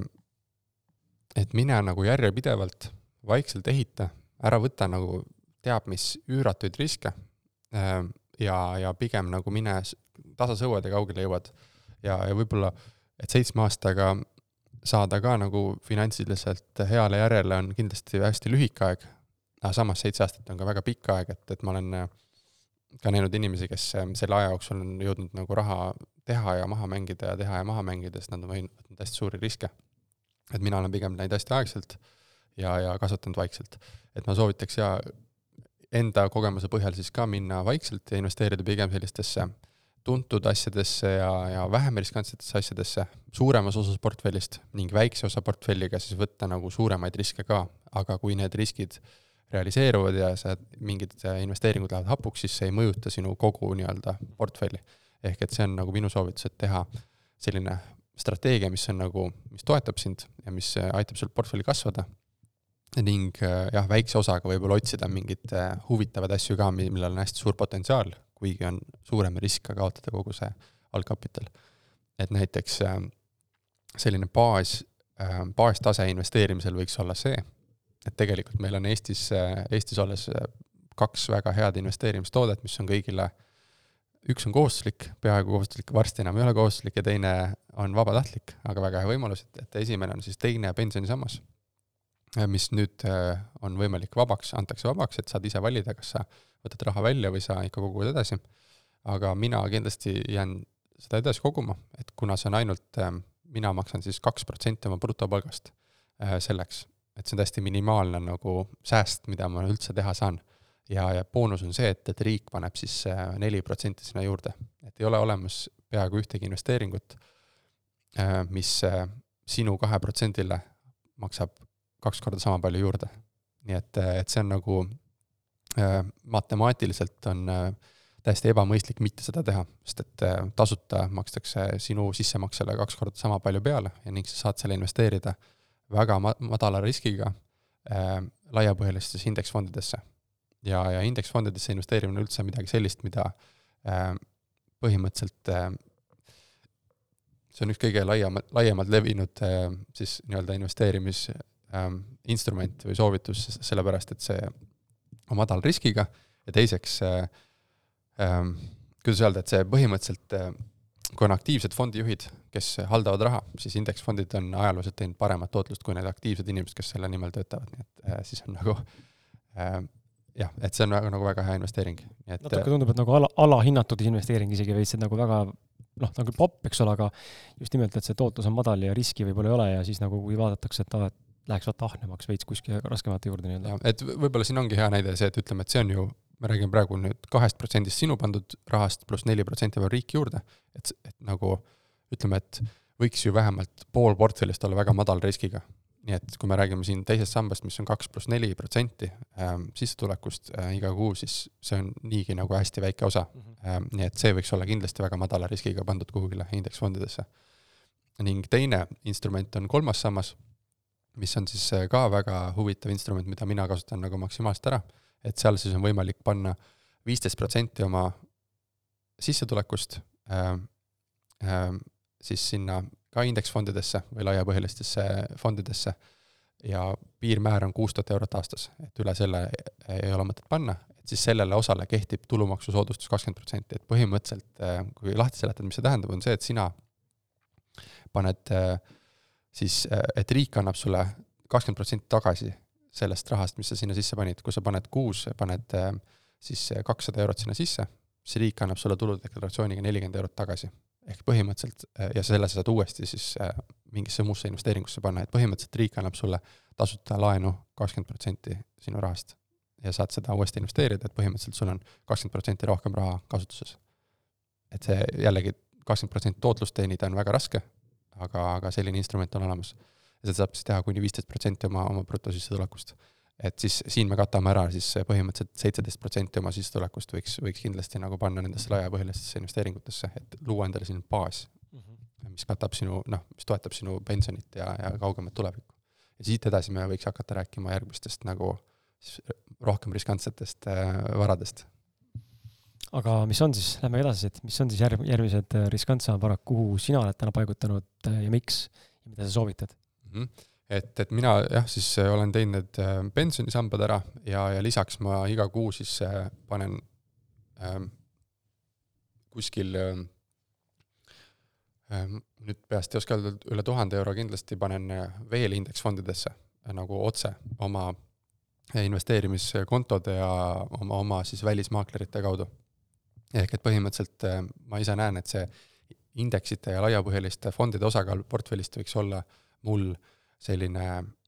ütleme, kolmkümmend kuni viiskümmend protsenti kindlasti, nii et siis äh, ma proovingi selle poole nagu liikuda ja sellepärast ma nagu äh, lisaks ka pensionifondidele äh, investeerin ise ka nendesse mhm. samadesse fondidesse. et see on nagu selline baas. lisaks on mul portfellis kinnisvara, mis on muidugi äh, tekkinud, noh, eestlaste, eestlaste kõige armastatum vara on kinnisvara, sest et see on kõige lihtsamini ka arusaadav ja, ja mainevärk, et, et su, kui sul on kuskil korter, siis saad iga kell sinna sisse minna ja, ja toimetada. et mul on see portfell jäänud sellisest ähm, tekkepõhiselt, et elu areneb edasi, et alguses olime, olin üksi muidugi, siis olime elukaaslasega, siis oli meil üks laps, nüüd on kaks last, et siis äh, mingi hetk ostsime mingi, ostsime mingi kinnisvara ja nüüd, kui me kolisime suuremasse kohta, siis see vana koht jäi lihtsalt alles ja selle, seda ma ei müünud ära, vaid jätsin üürile, et siis on, on korter äh, ka portfellis äh, ning äh, jah, see, see moodustab ka mõnikümmend protsenti portfellist. Ning jah, siis ongi nüüd meil, kata, ma lähen korraks tagasi jälle, on, on see laiapõhjalised fondid, see on kinnisvara, siis järgmisena on minul endal äh, on erinev, erinevaid laene antud, ehk et on olemas portaalid, kust kaudu saab anda ettevõtetele laenu ja eraisikutele ka vist ning saab ka otselaene anda. Ma võin sulle laenu anda ja siis sa maksad mulle tagasi ja nii edasi, et mul on mingi osa portfellist antud laenudena välja, mis siis igakuiselt toob tagasi mulle siis seda laenuintressi. Ähm, ning ähm, lisaks sellele on, olen investeerinud ka võlakirjadesse, mis on siis ähm, vähem riskantsemad laenud, ehk et suuremad ettevõtted tahavad äh, endale käibekapitali või tahavad raha, et oma äritegevust teha ja siis nad kaasavad mingitel tingimustel laenu lihtsalt turu pealt. et põhimõtteliselt näidetena, kes kin-, näiteks kinnisvaraarendusfirmad hästi tihti teevad võlakirju, näiteks Endover ja, ja mingid sellised äh,, keda võib, võidakse, võidakse teada. Ähm, ja siis äh, lisaks sellele on, äh, võid iga hetk küsida vahele, muidu ma siis vuristan seda portfelli siin, et see on erinevad aktsiainvesteeringud, ehk et üksikaktsiaid olen ostnud nii Balti turult kui ka USA turult ja kui ka Rootsist ja, ja mujalt. ehk et on Eestis, Eesti sellised tuntumaid ettevõtted nagu LHV-d, see on Tallinna Kaubamaja, see on Efteni kinnisvarafondi, on Baltic Horizoni kinnisvarafondi portfellis, siis on Coop Panka, see on üks Leedu pank on portfellis ja USA-st võib-olla nimekamatest on Apple'it ja Amazoni ja, ja ka erinevaid muid seal AMD-d ja, ja mingeid mm -hmm. oportunistlikumaid nagu investeeringuid. aga, aga kogu see aktsiate osakaal on, on piisavalt marginaalne, nagu väike osa siis kogu portfellist, et et kui ta peaks kõikuma üles-alla rohkem, siis see ei mõjuta nagu minu sellist baasportfelli. ning lisaks on on veel äh, iduettevõtted, et ma olen ise ju investeerin äh, aktiivselt äh, tehnoloogiaettevõtetesse, nii et ma olen ise oma portfelli ka siis teinud neid iduinvesteeringuid, tehnoloogia investeeringuid, et kuskil kaheksa ettevõtet on praegu portfellis, kellesse ma olen investeerinud mingi osa ning see moodustab ka mingi osa portfellist. Ja siis on igasugused rahainstrumendid, ehk et on vaba raha portfellis ja siis on ka krüptovaluutasid natukene portfellis päris noh, kuulates tekib niisugune tunne, et põhimõtteliselt on kõike. jah, et selline, et ma jah, on selline, kui võtta rõngas või pirukas diagramm, siis on nagu igast sektorist on midagi mm. -hmm. kuskil kokku on seitse erinevat varaklassi mul oli mingi küsimus seoses nende erinevate varaklassidega, kui ma korra mõtlen.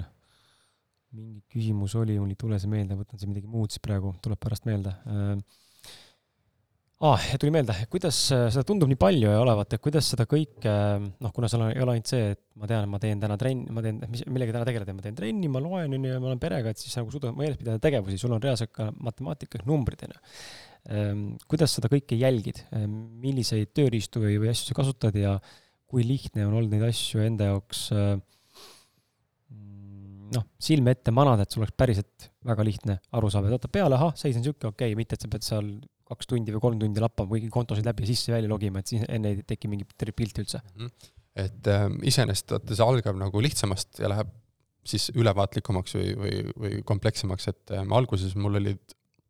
portfellis ainult ühisrahastuse kaudu välja antud laenud ja mõned Balti börsiaktsiad.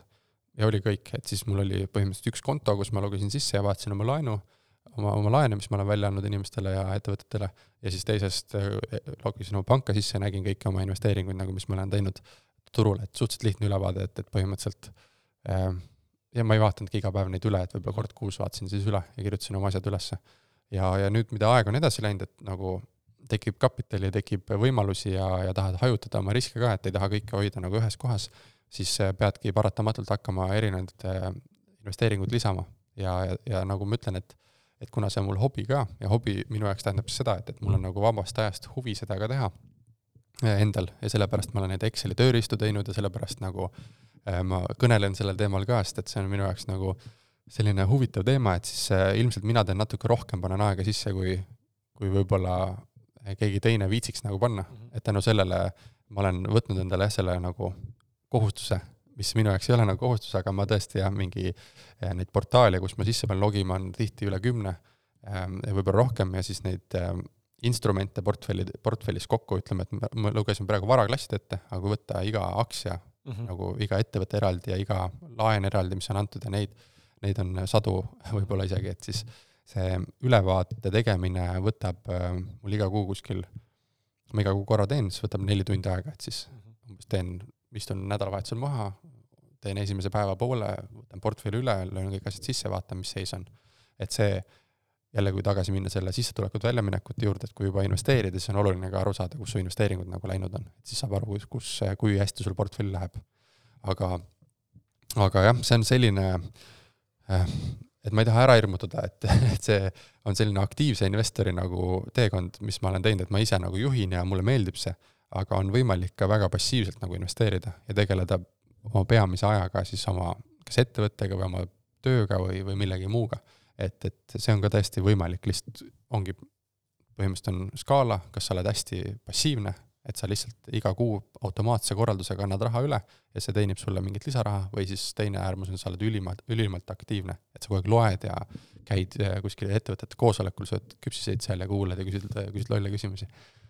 et mina olen siis äh, seal aktiivsema poole peal oma asjadega mm. -hmm. ehk see sõltub vist inimese natuurist ja enda huvist ka, on ju? just, et näiteks noh, ma ei ole kunagi, äh, kuigi, kuigi ma ütlen, et, et pange oma ähm, sissetulekud ja väljaminekud, väljaminekud kirja, siis äh, äh, ma ei, ma ei ole kuidagi sundinud, et kõik peavad Exceli selgeks õppima, et sa pead Excelisse panema, et minu, mina panen kõik Excelisse kirja, sest mulle väga meeldib, ma noh, ma olen äh, finantsidega kokku puutunud ja analüütiline inimene natuurilt, et mulle see sobib, aga ma kunagi oma emale soovitasin ka, et hakka tegema, sest ütles, talle see arvutiasi nagu üldse ei meeldi. ja siis temaga me tegime paberi peale sellise nagu ülevaate ja siis ta tegi seda päris pikalt. aga mis seal kirjas võiks olla siis, on noh, summad, kuupäev, mis lahtrid sul on, kuidas sa seda lahterdatakse kuulaja jaoks? et kui võtta sellist eelarve jälgimist, siis on tegelikult, sul on vaja sissetulekuallikaid, et mitu sul neid on, ilmselt on nagu ütleme alla viie kindlasti mm -hmm. enamus inimestel, et üks, kaks äh, või kolm on ju, paned sinna kirja palk äh,, mingi äh, siis haltuura ja siis mingi, mingi, mingi muu asi veel, on ju äh,. ja siis need, paned need kirja niimoodi, et kui jah, sissetulek tuleb, kirjutad kuupäevaga üles, mis, kuna tuli, ja siis teed endale kuluallikad. ehk et mõtled välja kuni, ma soovitaks kuni kümme kuluallikat, mitte rohkem, et mitte panna iga kulu nagu eraldi kirjana kirja, vaid panna niimoodi, et, et äh, kõik toit on, kõik toit äh, toidupoest on ühe all, kõik väljas söömine on teise all, koduasjad on ühe all, autoasjad on noh, jällegi ühe, ühe kategooria all, et sa paned nagu kategooriate kaupa, et siis saad pärast vaadata ka, et kui palju sul toidu peale kuus kulub, mitte et sul on Rimi toit äh,, Selveri toit ja siis nii edasi, Maxima toit, et pigem jah, teha ku-, kümme kulukategooriat. et siis sul on lihtsam jälgida, muidu neid ridu on, neid asju, mida jälgida, on liiga palju. Mhm, okei. Ehm, kuidas hoida, seada endale kvaliteetseid pikaajalisi eesmärke ja nendele ka kindlaks päriselt nagu jääda, et me küll alguses natuke rääkisime finantsilistest eesmärkidest, aga räägime üldse eesmärkidest, sest sa teed väga palju erinevaid asju. kuidas päriselt siis eesmärke endale seada, et aru saada, kas see on minu mõistusest tulenev, eh, ma ei tea, ahnus või, või mingisugune tahan ka, on ju, või see on mu päris soov ja, ja kuidas nendele kindlaks jääda, kui neid on palju ka veel mm? -hmm. see on, see on väga suur teema, millega ma olen ikkagi aastaid ise ka nagu vaeva näinud ja koos sõpradega, et, et et mis, et mõtleme, mis kategooriad meil on, milles me nagu eesmärke seame. noh, suur pilt sellele vastusele on see, et, et kui eesmärk ei teeni sinu nagu sellist kui see, kui see ei ole sulle mõeldud eesmärk, sa oled selle kuskilt väljastpoolt saanud, see ei resoneeru sinuga, siis see kukub mingi hetk ära, mhm. sa lihtsalt ei tee seda. ja, ja see, need eesmärgid nagu ise ajapikku reguleeruvad nagu, kukuvad ära. ja mingid asjad, mis on kogu aeg nagu tagataustal nagu, mida sa tahaks teha, aga mida sa väga hästi teed, siis neid tuleb hakata siis ise nagu ajaliselt juhtima, et peab oma aega hakkama proaktiivselt planeerima. näiteks, et ma olen leidnud, et, et milles ma eesmärki sean, on peamiselt vist äh, neli või viis kategooriat. Äh, üks on siis äh, tervis ehk et spordi tegemine ja, ja füüsiline ja vaimne tervis, põhimõtteliselt kõik koos, mille alla kuulub tervini tegemine, toitumine ja, ja mingid vaimsed praktikad, kui need on. Siis teine on suhted inimestega ehk et perega ja sõpradega, siis kolmandaks on finantsid, mida saab jälgida, ja siis neljandaks on erialased igasugused ambitsioonid, mida sa tahad teha. ütleme, et need siis neli peamist kategooriat. et siis tuleb seda aega nagu nende jaoks hakata juhtima, et näiteks kui mõtledki, et ma tahaks, et suhted perega on või perega või lähedastega või, või kellegagi sõpradega on, on unarusse jäänud, siis tuleb hakata proaktiivselt panema endale kalendrisse mingeid aegu ja mingeid üritusi korraldama nendega koos. ja finantsidega samamoodi tuleb hakata üles kirjutama asju ja toitumise trenni koha pealt, see on nii pikk saaga, et eks igaühel on oma kogemus sellega, et kuidas seda järjepidevalt teha või mitte. aga ma küsin sult vastu, Kris, et, et kuidas sulle need finantsi finantsilised asjad praegu tundusid, et kui need kolm sammu nagu nüüd paika said, et mis hirmud tekivad või, või mis, et see, see on nagu peamine asi, mis, äh, mida ma proovin ka lahti mõelda alati, et mis inimestel, mis takistab neid seda tegemast, mis tuleb loomupäraselt ja, ja mis mitte ja mis, mida võiks muuta mm. -hmm. see on huvitav teema, need finantsid minu elus vähemalt, et ma näen äh, kõigi elus on, aga ma näen, mul on sellega mingi muu, mingi muu vunk on veel kuskilt juurde keeratud, kas siis alateadlikult ise olen ennast saboteerinud midagi uskuma või midagi muud, aga või siis ongi elu kuidagi nii läinud, et see võib-olla ei ole päris see tee, mida ma pean tegema äh, läbi mingi teistsuguse, ma ei tea, instrumentide, filtrite või mingite tegevustes võib tulla see finants. aga kunagi Martiniga, kes on meie kaassaatejuht olnud, äh, arutlesime ka, et et noh, suhelnud siin nüüd sinuga, eks ole, ja ma ei tea, teiste investorite, ettevõtjatega, Peep Vainu ja kellega iganes, Urmas Sõõrumaaga on ju, ja mõelnud, huvitav, et meie inimese, inimeludes on nagu tundub ja meil on selles mõttes, äh, kui me hakkame, me sünnime, me kasvame, on ju, mingi vanuseni, nüüd kui meil tekib see individualism ja ise nagu mõtlemine ja enda nagu mingid ambitsioonid ja soovid, siis äh, me mu-, liigume nagu elus nagu kahes suunas. Äh, üks rada on see vaimne rada, on ju, esoteeriline nii-öelda või kuidas keegi nimetada, sisekaemuslik, teine on siis puhtalt ratsionaalne, pragmaatiline tänapäeva reaalsus, füüsiline, füüsiline maailm on ju ja raha ja nii edasi, haridustee kõik see juurde siis äh, ma näen selgelt, et ma olen valinud selle teise tee, selle, selle alternatiivsema, selle, ma noh, mul on üheksa klassi haridus paberiselt, on ju, et tegelikult on üksteist, aga no seda ei loeta, kuna pole lõpetanud, on ju. ja, kõik muud asja otsa ka pole nagu väga pikalt kuskil tööd teinud, äh, paar-kolm aastat ühe positsiooni peal jälle vahetad, on ju, küll ühes samas sektoris, aga ikkagi vahetad. hästi sihuke kulgevad reisil hästi palju ja ja nüüd ma näen, et äh, inimesed varem-hiljem hakkavad tasakaalustama, on ju, et need, kes on vaimsel rajal, mingi hetk siis äh, noh, mina täna kolmekümneselt tunnen, et nüüd peab hakkama seda finantsi tegema, sest et nüüd on nagu tegelikult aeg käes, kus on ka laps, on ju, naine, on ju, pere ja ja tegelikult oled omadega hädas reaalselt. ja nüüd teine pool on see, kus siis oled juba hästi finantsmaailmas ja nüüd sa hakkad siis tavaliselt neljakümneselt, viiekümneselt hakatakse mõtlema selle peale, et aga hmm, persse kõik on saavutatud, autod käes, majad käes, aga kurat, hingerahu ikka ei ole. mis, mitte et siin alati on, aga suures laastus nii juhtub inimestega. ja, ja siis hakkad tasakaalustama seda poolt ja ma täna näen, et, et see ongi huvitav huvitav äh, koht ja, ja ma näen, minul ei ole probleemi, kui ma vaatan nimekirjasid praegu siin, et ähm, äh, no kas siis säästmine või, või ko, nii-öelda koonerdamine või niisugune nagu äh, kasin elamine, kasin ei ole üldse halb sõna, mul mentor Indrek ütleb väga hästi ka kasin, kasinat tuleb elada aeg-ajalt, kui tahad nagu saada rikkaks nii-öelda, on ju, tuleb olla kasin. see ei tähenda, et sa oled vaene või nagu mingi prükkar, on ju, vaid sa reaalselt jälgid, mida sa teed. ja võimalikult minimalistlike kuludega ja vajadustega saad tegelikult elatud siis ma näen, et see pool on minus olemas, sest et raha reiside jaoks ja, ja kolm kuud Euroopas elamiseks või Austraalias olles ka kogusime, ma näen, et see kapital tekib, eh, varem või hiljem puhver tekib. mis on täna probleem, millest ma läbi täna jamustan, ma saan rääkida ainult tänasest olukorrast, mis on kestnud varsti aasta, natuke rohkem, on see, et eh, mul on eh, tööle mineku ees okse, ei suuda, nagu mingi täielik plokk on, ei saa, isegi kui leiab midagi, mingi niisugune asi, et oh, vot sinna tahaks minna, kandideerin täiega, saadan kas või kaks motivatsioonikirja ja ei saa, noh, lihtsalt ei võeta. Ehm, ja ei ole siis see koht, kus ma vaatan, et ma läheks umbes a la panka juhtima või ma lähen ikkagi nagu kandideerin kohta, kus ma tunnen, et ma olen võimeline päris väärtust looma. ja, ja siis täna on see seis, kus ma näen, et äh, ma olen nagu sellises tupikus, kus ma üritan ka aru saada, et okei okay,, ja mida siis nagu nüüd edasi teha, et tegelikult on mingid laenud äh, ja võlad äh, kohustusega juba kaelas, on tegelikult võetud juurde, et ma olen investeerinud ka tegelikult laenudega natuke rohkem, kui ma oleks võib-olla pidanud, aga ma olen riskin siin ja ma saan aru sellest, et see on risk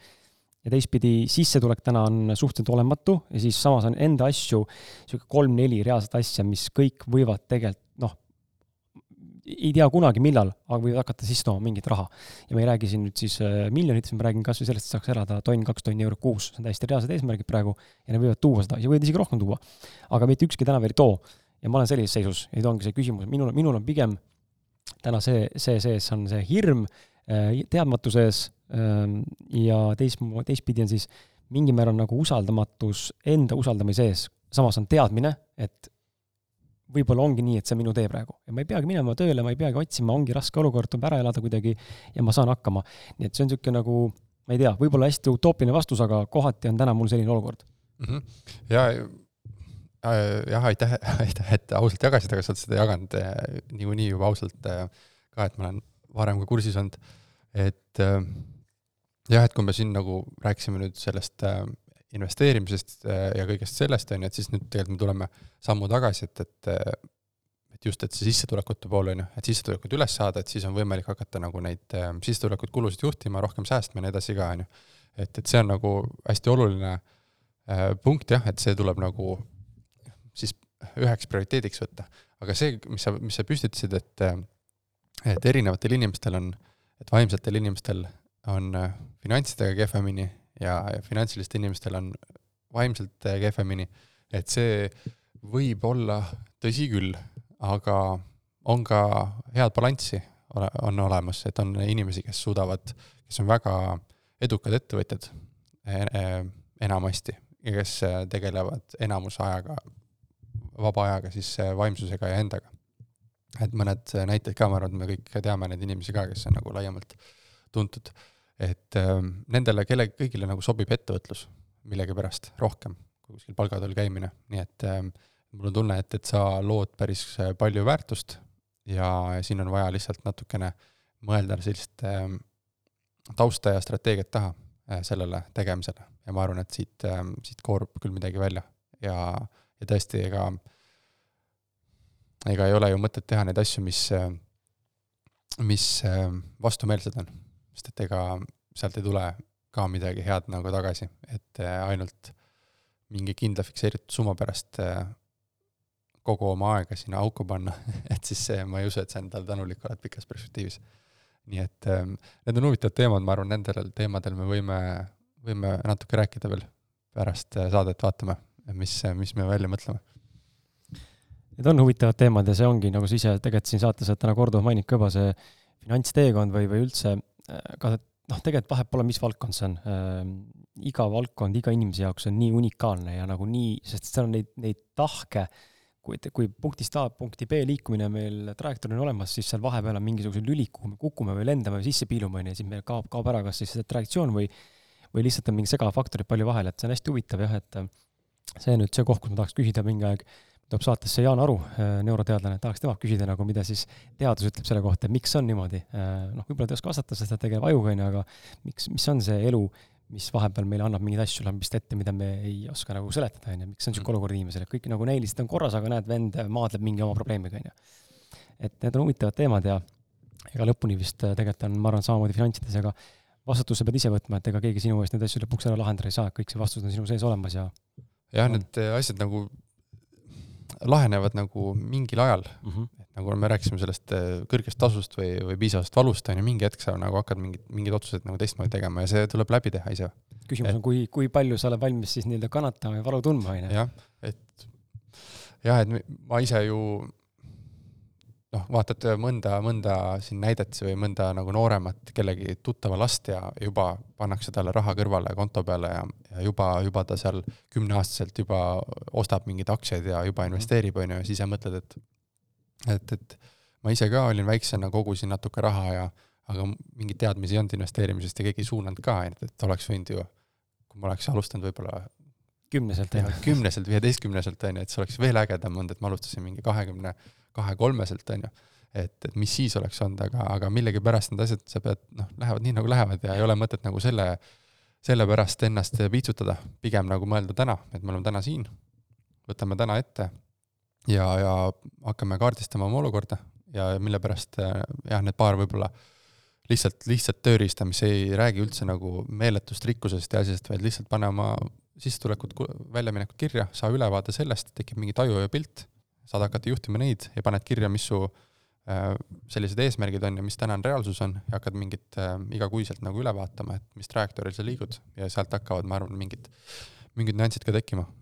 Tahaks lihtsalt, äh, tuli praegu niisugune idee või nagu mõte pähe, mida ma ise ka enda rahustuseks teinekord ütlen endale vahepeal, mis valdkonnas äh, ma siis selle mõttega maadlen või tundega maadlen, aga aeg-ajalt tekib ikka meie sees see trots, et kurat, et mina ei jõua mitte kunagi vist sinna, vaata noh, et keegi võib-olla kuulab täna Markot ja mõtleb ka, et jumal küll, no ma olen juba nelikümmend või ma ei tea, kolmkümmend või kakskümmend või et mina küll ei jõua sinna, mul ei ole niisugust elu võimalik, et see ei ole minu tee vist. et Marko on sündinud kulduslikus suus ja kullakang on taskus kogu aeg olnud, on ju, et äh, seal tegelikult suures pildis ei ole vahet, mis, mis, mis vanuses või mis aja peale me sinna jõuame, kas aasta või kümne aastaga, oluline see, et lõpuks jõuame, kui see meie eesmärk on, on ju. et see ei tee Markost äh, otseselt paremat inimest, kui ta jõudis nüüd lühema ajaga, näiteks mina sinna jõuan et ähm, siin, see on see, mis alati mind ka nagu natuke seda muserdust maha tõmbab mingis valdkonnas või, või mingistes küsimustes, etappides, et oluline ei ole see, see aeg äh, kui nii-öelda nagu indikaatorina, vaid see, kas sa jõuad sinna kohale või mitte, on ju. ja vahet ei ole, mis mina teen tegelikult ju, sinu jaoks näiteks ja, ja, ja ma olen nagu selle teega läbi käinud, et meil on nagu finants äh, siin äh, maastikul, Eesti nagu finantsmaastikul on ka mingid äh, noh, väga jõukaid inimesi ja, ja siis ikkagi vaatad, mis eeskujud teevad ja ega finantsidega sa kunagi nagu kellelegi järele ei jõua mm, -hmm. selles mõttes, et äh, need eeskujud, kes sul on tavaliselt, on sinust alati kümme aastat vanemad või nagu piisavalt kümme korda ees nii-öelda. vanemad, neil on mm -hmm. aega olnud rohkem, muidugi nad on, nad on kaugemal, et sina ei saagi täna olla sama kaugel, kui nemad on. teiseks, kui sa oled seal nii kaugel, nagu temad, nemad on, kas sa nii vanana, nagu nemad on või siis varem, siis on teisi inimesi veel ees, kes on veel, veel jõukamad või paremal positsioonil, kui me räägime ainult rahast, on ju, ja siis, kui sa oled Eesti kõige rikkam inimene, siis on nagu maailma mastaap. jah, siis on ja. UK kõige rikkam inimene, USA ja nii edasi ja me jõuaks lõpu, lõpu, lõpuks jõuame sinna täiesti tippudeni välja ja hakkame mingist utoopiast rääkima juba, aga tegelikult ähm, ma arvan, et see, see on juba täiesti nagu noh, see on nagu see valdkond, mis enam ei ole nagu väga oluline. no selles mõttes, et, et see piir ikkagi, kus sinu heaolu nagu äh, hüppeliselt muutub, on just see, kus sa tunned ennast tunned seda kindlust, finantsilist kindlust, et sa ei pea muretsema. et, et selleni on, on nagu mõtet pürgida ja sealt edasi, kas sa teenid siis passiivselt kuus nagu äh, kaks, kolm, neli, viis tuhat või kümme tuhat, nagu et seal väga palju vahet enam ei ole. et kui sa mhm. oma põhivajadused ära katad, siis see hüppeline muutus on seal kõige suurem mm. -hmm. pärast see hüppeline muutus enam pole üldse suur. et äh, pärast sa mõtled hoopis teiste asjade peale ja, ja probleemid on alati sama suured, ütleme, et minu probleemid on minu jaoks sama suured nagu sinu probleemid ja, sinu just. jaoks kuigi nagu võib-olla mängu, mängumaad on erinevad, on ju, see on, see on samasugune näide nagu äh, jõusaalis äh, ma kunagi sõbraga tõin, et äh, kunagi oli küsimus, ma hakkasin mõtlema selle ümber ja sain aru, et kui minu jaoks on kuuskümmend, seitsekümmend kilo täna raske rinnalt suruda, siis see on sama raske kui mu sõbra jaoks, kes surub sada viiskümmend. see on lihtsalt tema raskus, minul on tema raskus, aga raskus on meil sama, mitte et tal on nagu raskem, on ju. jah, et sinu jaoks on sama raske mm. -hmm ja tema jaoks on see sama raske, kuigi need noh, ta on lihtsalt tugevam, aga see on tema ikka sama raske. aga jah, just, et me peaksime siis püüdlema nagu se- selle poole, et, et, et sa oled oma otsustega nagu lõpuks rahul, on ju. Mhm. et see, mis sa iga päev teed ja mina ka nagu täna mõtlen rohkem sellele, et nagu kas need, kas see, mis ma täna valisin, on nagu õige otsus ja, ja, ja me tahame neid otsuseid teha nagu ilma mõjutusteta, et see oleks sulle kõige parem. näiteks äh, ma ei tea, ütleme tarbimise näite siin, et, äh, et äh, mitte otsida, otsida mingit allahindlust ja et mida saaks nagu kuskilt äkki on liiga kallis või mitte, vaid mõtled kodus näiteks välja, et mida mul vaja on nagu reaalselt, vaatad mm, -hmm. mul on üks paar teksapükse, nendel auk sees, mul on vaja uusi teksapükse. ma ei oota nüüd kaks kuud, et, et mingi allahindlust saada, ma lähen poodi, ostan selle ühe paari teksapükse. hind ei ole nagu väga oluline, ma võtan need kõige paremad, mis mulle kõige rohkem sobivad ja ma olen selle ostuga rahul ja ma ei vaata enam hindasid, ma ei vaata, kas tekkis lisaallahindlus kahe Mhm. nädala pärast või mitte, vaid lihtsalt teed neid otsuseid nagu sõltuvalt enda vajadusest äh, oled ot- otsustega rahul ja ei võrdle nagu äh, teiste hindadega, ei võrdle ennast teiste mm -hmm. inimestega. sest et se- seal nagu võitjaid ei ole, Mhm. sest et äh, sinul on oma, oma taust, on ju, nagu me alguses alustasime ka taustast, on ju, et igaüks tuleb oma taustaga, et ei saa nagu panna ennast teise inimese nagu ellu. Mhm. et siis selles mõttes need, need mõtted jah, on vaja ka läbi mõelda enda jaoks. et ja, ja meelde tuletada kogu aeg, sest me elame selles maailmas, kus meil kogu aeg peegeldatakse näkku seda ideaale. Mhm. Et üks näide, mis äh, mul on, et äh, kui ma küsin sult, et ähm, mis sa arvad, mis autoga tahab viieteistaastane poiss kõige rohkem sõita no ikka ilmselt nende luksautodega, mingid Bentley, Ferrari'd, Lamborghinid onju, mm? -hmm. Porsche'd. jaa, aga, aga kust see tuleb nagu? No eks äh, manipulatsiooni on palju, muusikavideod, Hollywoodi filmid onju, võib-olla ka mingid tipprikkurid, kes on juba kümme, kolmkümmend aastat juba tegutsenud, rikka, rikaste inimestena investeerinud, võib-olla üldse ettevõtjad, et kes on saanud lubada elustiili endale. ma ei tea, kust see veel tulla võib. et ütleme, et see noh, nende eesmärk ju näiteks Porsche või Ferrari või Lamborghini, noh, nende eesmärk ongi, nende marketing ja bränding on see, et äh, kuidas ehitada äh, või tähendab, loovad sinu pähe selle edu mõiste siis mm. -hmm. et sa oled edukas siis, kui sul on see auto ja nad kõik reklaamid on see, et edukas mees läheb autosse ja perekond on õnnelik ja vaata, et siis sa nagu hakkad seda siduma, on ju, siis sa oled nagu ütleme, viieteistaastane poiss, kahekümneaastane poiss ja siis sa tead, et ma tahan endale Porsche't, on ju. ja siis reaalsus on see, et sa kasvad, oled kakskümmend pikk tulevikus, on ju, on väga palju raha, istud esimest korda oma elus Porschesse sisse või Ferrarisse, vaatad, kurat, ma ei mahu äragi siia mm. -hmm. üliebamugav on, nagu mulle üldse ei meeldi, nagu ma elan kuskil Tallinna kesklinnas ja et ma sõidan koduhoovist välja ja istun ainult ummikus sellega, et ma Mhm. üldse ei taha seda autot vaata. aga lihtsalt see soov nagu, sisemine soov, mis on pandud kuskilt maailmast peale, on see, et, et see on see asi, mida sa tahad. reaalsuses sa pole kunagi seal seeski istunud selle aja peale, kui sa seda tahad. nii et jah, need, äh, mida meile peegeldatakse, neid on päris palju, nii et äh, tuleb saada aru, mis sa ise tahad. Mhm. eks nii ongi elus ka üldse, ma mõtlen, äh, mitte ainult äh, finantside puhul või üldse mingite muude asjade puhul, siis üldse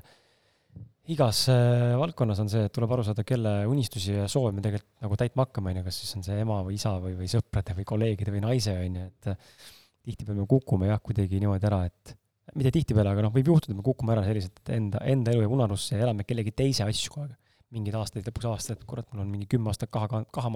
maha kantud aega, onju. Ja, ja siis äh, nagu piitsutad ennast, aga noh, piitsutada ei ole mõtet, nii nagu on. ja, ja finantsidega käib see ka kaasas, et selle nimi on elustiili inflatsioon. et, et kogu aeg, kui sul rohkem raha on, siis sa näed, et äh, Võimalusi see, rohkem. jah, tekib mingi Mhm. uus kategooria võimalus, mida sa saaksid endale lubada ja siis sa alati näed, et seda oleks ju vaja tegelikult. ja, ja see noh, mingi hetkeni ongi nagu mõistlik, et sa tahadki nagu, et sul igal lapsel võib-olla oleks oma tuba mingi hetk, et Mhm. sa saaksid elada seal, et sa ei ela nagu ma ei tea, seitsmekesi kahetoalises korteris, et see on normaalne, et sa mingi hetk nagu noh, sellised vajadused mm, Mhm. -hmm. aga mingi hetk need lähevad nagu proportsioonist välja juba. utoopiliseks jah, jah, et siis tuleb nagu seda jälgida, et sa ei läheks elustiili inflatsiooniga kaasa, sest et muidu jällegi, mida rohkem sa teenid, seda rohkem sa kulutad. ja, ja su, niimoodi on oraratas ikka samasugune. ja, ja sa võid alati kulutada rohkem, kui sa teenid, nagu maailmas on võimalusi, isegi ma arvan, kõige rikkamad inimesed suudavad rohkem, saaksid rohkem kulutada, kui nad teeniksid. okei okay, ähm, mind huvitab äh, selline küsimus, milleni ma olen viimasel ajal nüüd siin paari nädala jooksul jõudnud ja, ja mõne coach'i ja veel mõne inimesega rääkinud, et äh, sa teed päris palju ähm,. sul on ka pere, sul on hobid, sul on trennid, sul on äh, noh, nii-öelda töö, sul on investeerimised, sul on sada muud asja, mis juhid, teed, maja, majandad, onju. Ähm, kuidas ja mis tüüpi inimene sina oled, kas sa oled see multitask'i vend või sa oled pigem inimene, kes võtab fookuse, teeb ühe tüki ära või sa jaotad, jupitad, teed sa ühe päeva korraga mingit asja, teed sa iga päev, ühe, läheb ühel päeval mitut asja, kuidas sina oled enda tegevusi jaotanud ja ja, ja mis sa oskad inimestele või kuulajatele soovitada? et äh, ma olen avastanud, ma olen selline inimene, kes ei saa nagu ainult ühte asja teha. nagu sellepärast ma olen ilmselt kogu oma teadlikku elu nagu mitut asja nagu olete teinud ja eriti karjääri ja ettevõtluse mõttes mul on alati nagu mitu asja paralleelselt olnud. et ma lihtsalt äh, olen näinud, et kui tekib, kui ma jätan mingid muud asjad ära ja tekib see üks põhiline asi ja on mingit aega üle, siis hakkab seda äh, energiat üle jääma ja siis paratamatult läheb paar kuud mööda ja mingi uus asi on sinna kõrvale tekkinud nagu. et näiteks üks näide, kuidas enne esimese lapse sündi ma hakkasin asju ära jätma, et nüüd hakkab, tuleb laps perre ja siis äh, peab valmistuma selleks ja aega võtma, et siis ma nagu jätan kõik kõrvalised asjad ära ja tegelen selle ainult oma põhi, põhitööga ja siis ülejäänud aeg olen pere, perega. ja ma suutsin siis äh, kuus kuud varem hakkasin asju ära jätma, aga see kuus kuud oli liiga pikk aeg, selle aja jooksul hakkasid juba uued mõtted tekkima, nii et äh, põhimõtteliselt selleks ajaks, kui laps sündis, äh, avasime me Ahtiga, Ahti Kaskpeidiga Maraton stuudiose nii et täpselt sellel hetkel hakkas uus ettevõtmine peale, siis kui laps äh, sündis, et, et seda, et see, siis sa näed ära selle, tabad selle, et mis natuuri sa oled, kas äh, vaba ajaga sul äh, ja kas sul tekib uusi ideid, kas sa alati tahad midagi nagu kõrvalt teha, nii et, et ma ikkagi teen mitut asja korraga, et ma ei suuda nagu ainult ühele asjale fokusseerida millegipärast. aga samas väiksemas mikropildis ma ikkagi äh, proovin asjad tehtud saada, et ma teen mingi asja ära, siis võtan järgmise asja, teen selle ära, siis teen selle ära ja niimoodi käin nagu ringiratast, et lihtsalt asjad nagu kogu aeg tehtud oleks. et, et mitte ei tee poolikult nagu asju kogu aeg, et kogu aeg on midagi poolikut, vaid proovin mingi asja ära teha, siis võtan järgmise tüki, aga noh, see oleneb nende tükkide suurusest. et kui rääkida siin investeerimisfestivalist, mille korraldamine võtab kuus kuud aega, siis seda on raske nagu kohe ära teha. et siis ikkagi tuleb nagu jagada seda aega, aga see on üks suurimaid äh, väljakutseid minul, et kuidas seda aega äh, jagada õigete asjade vahel ja kuidas, kuhu seda üldse panna ja ma arvan, et see saab mida aeg edasi läheb, mida vanemaks saad esiteks ja mida rohkem võimalusi tekib ja finantsiga on seda, see ongi põhiküsimus. et kuhu, mida valida, mida teha, mida mitte teha ja kuidas oma aega jagada. tahaks seda investeerimisklubist rääkida äh, just nagu selle nurga alt, et äh, mis te nagu teete seal, kust idee alguse sai? Äh, mainida võiks ikka podcast'i ennast ja samuti siis seda festivali, mida sa korraldad, et et jaa, räägi natuke neist investeerimisklubi alustasime, lugu, tegelikult lugu on äh, natuke läheb tagasi mitte, et ma oleks seda juba rääkima hakanud, aga et põhimõtteliselt äh, gümnaasiumi lõpust, ülikooli algusest äh, tekkis meie seltskonda mingi, mingine huvi edukaks saada. tekkisid mingid materjalid ja mingid kuulamised, mis rääkisid edukaks saamisest nii et põhimõtteliselt kahekümnendate alguses süstiti kuskilt kaudu tuli meisse nagu punti sisse, et, et äh, peaks nagu edukaks saama. ja sealt edasi, eks kõik katsetasid mingi erinevaid viise. Ehm, nende viisideks oli, üks oli näiteks äh, võrkturundus, mida sai kunagi proovitud. väga palju. Äh, õnneks ma väga palju ei proovinud, aga seda oli väga palju mingi hetk, rikkus ringi ja, ja siis äh, sai see, see maitse suhu ja siis tundus, et see on äkki viis, kuidas nagu rikkaks saada, siis said aru, et, et, et, et tegelikult ei ole ja kindlasti ei ole. aga mõnel jällegi on, on ju, see sõltub vist, äh, ma ei tea, kas see tõesti siis see käputäis na-, natuurilt väga vähesed inimesed löövad läbi seal või siis pigem on kes ees see mees klassikaliselt püramiidi kombel või? jah, see on, see on ilmselt äh, suures tõenäosus on see, et kes ees, kes ees see mees, et see mudel iseenesest nagu on sama kogu aeg. ütleme, tootemüügimudel mm -hmm. ei tööta, aga see ärimudel nagu mm -hmm. nendele, kes selle loovad, töötab nagu et äh, aga jah, see nagu noh, eks, eks iga inimene otsustab ise, et ma ei hakka nagu, ma arvan, et seal on väga edukaid inimesi maailmas mm, -hmm. et lihtsalt äh, mulle ei sobinud. ja siis sai äh, proovitud investeerimise alal kätte, sai hõbedat ostetud kunagi, füüsilist hõbedat äh, ja siis äh, kunagi ma tahtsin Forexit hakata õppima, siis ma ostsin äh,, läksin, ostsin eurode eest äh, valuutavahetusest, ostsin USA dollareid ja hoidsin neid, vaatasin, kuidas maailmaturul hind liigub ja mingi hetk vaatasin, et oh, et nüüd võiks müüa. Aga ma ei saanud sellest aru, et see ostu ja müügi teenustasud on äh, kuskil iga müügiga on neli-viis protsenti -hmm. nii et kokku oli hind muutunud kümme protsenti. kui ma ostsin, maksin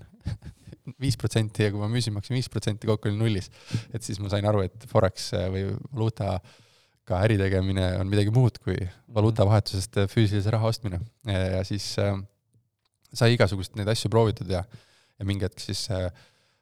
äh, jõutud selleni, et, et peaks õppima kelleltki, kes on nagu targem, kes on teinud seda, mida, kus sa tahad jõuda. Ja, ja siis äh,, siis hakkasime otsima neid äh, inimesi, kellelt õppida.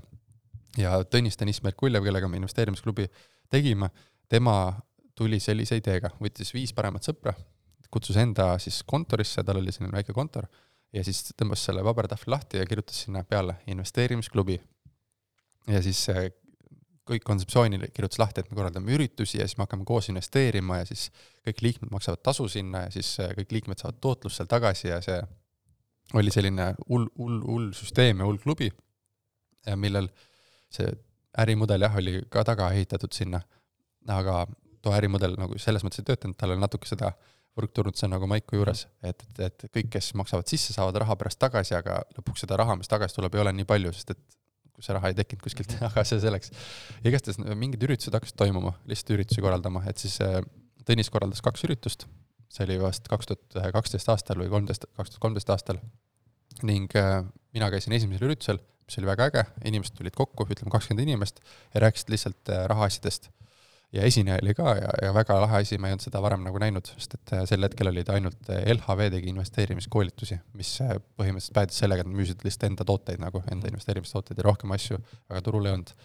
ja siis ma läksin parasjagu sellel samal ajal läksin Portugali elama, nii et ja kui ma aasta aega tagasi tagasi tulin, siis ma küsisin Tõnise käest, et nii, et et, et vahepeal on aasta aega mööda läinud, kus need üritused on, et mingi äge asi hakkas pihta. ja siis äh, ta ütles, et jah, et vahepeal siin äh, tead, enam ei viitsinud korraldada ja energia kukkus ära ja ei, ei tea, et kuidagi jäi unarusse. siis ma ütlesin, et kuule, aga mulle see teema pakub huvi, et ma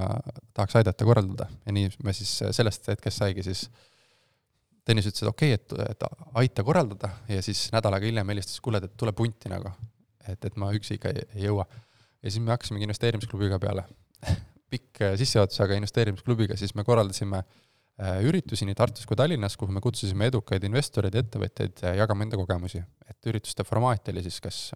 äh, olid töötoad või keegi jagas mingi tund-kaks, tegi mingit loengut ja said inimesed omavahel pärast suhelda, selline klubiline nagu asi, et õpime ja pärast suhtleme. ja, ja seda, see kogus väga palju tuure, et seal tippajal oli mõlemas linnas ütleme, Tartus oli kuskil sada pluss inimest igal üritusel, et meil oli iga teisel nädalal oli see üritus ja, ja Tallinnas oli sada viiskümmend, kakssada isegi üle kahesaja inimese igal üritusel iga teine nädal, et siis väga suur meeletu huvi oli selle vastu. Mhm. ja neli aastat me korraldasime neid üritusi, kuskil üle kahesaja ürituse.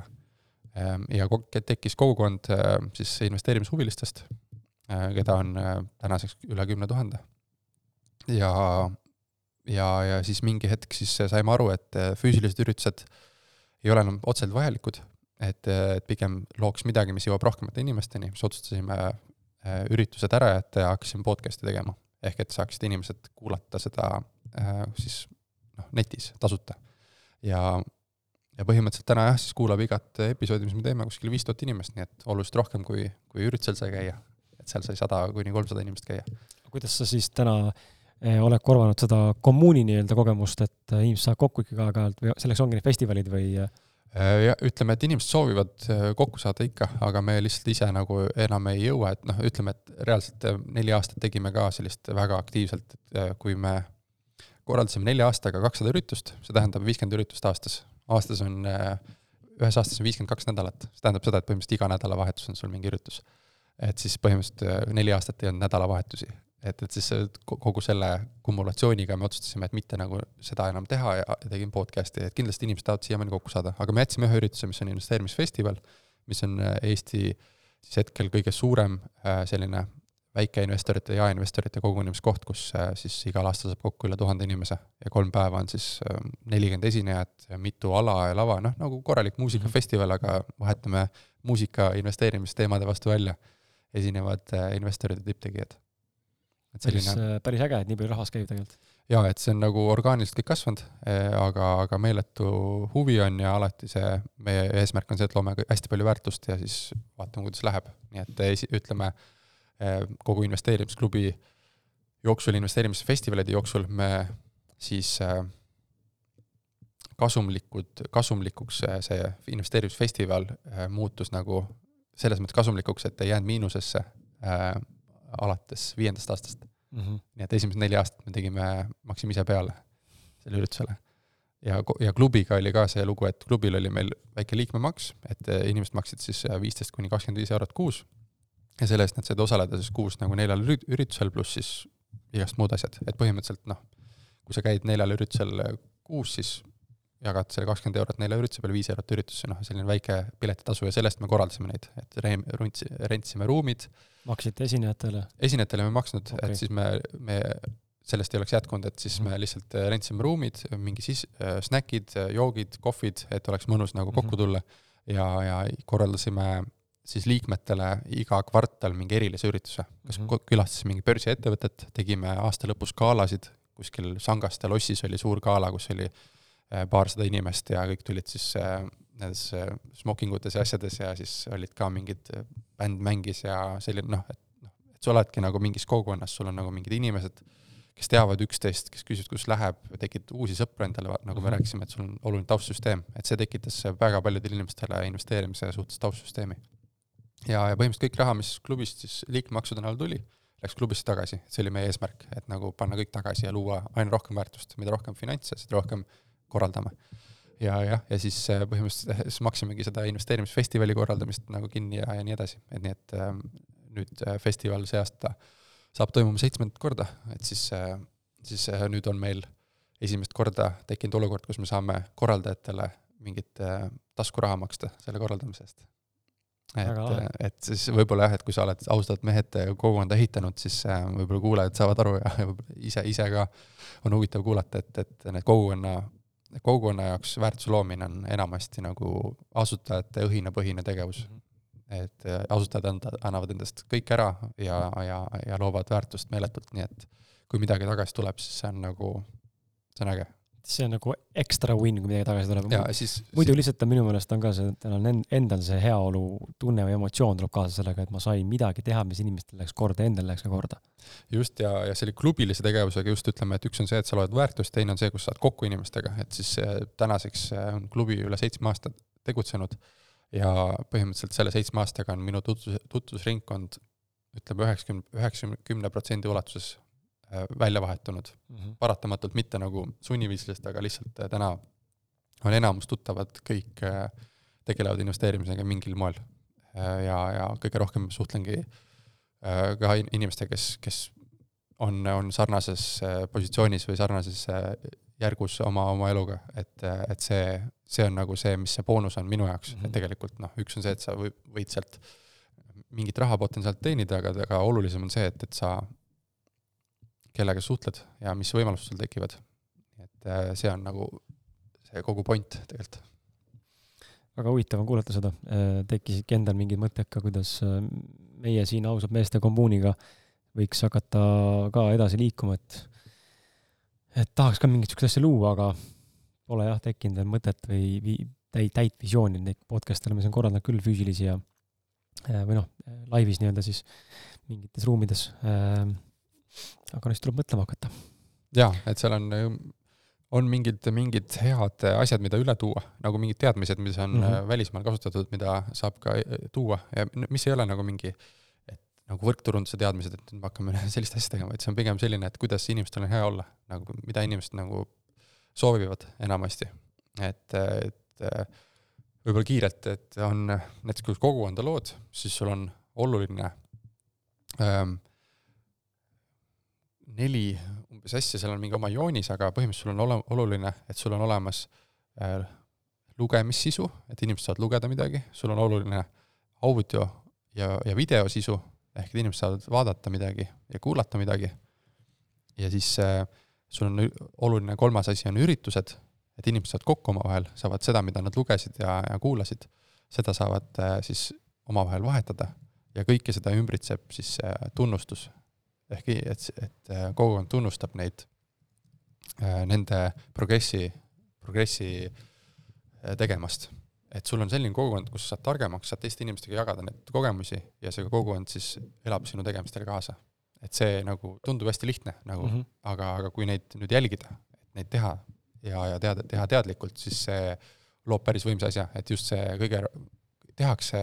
esimest kolme, aga ei tunnustata ja see võib-olla lagu-,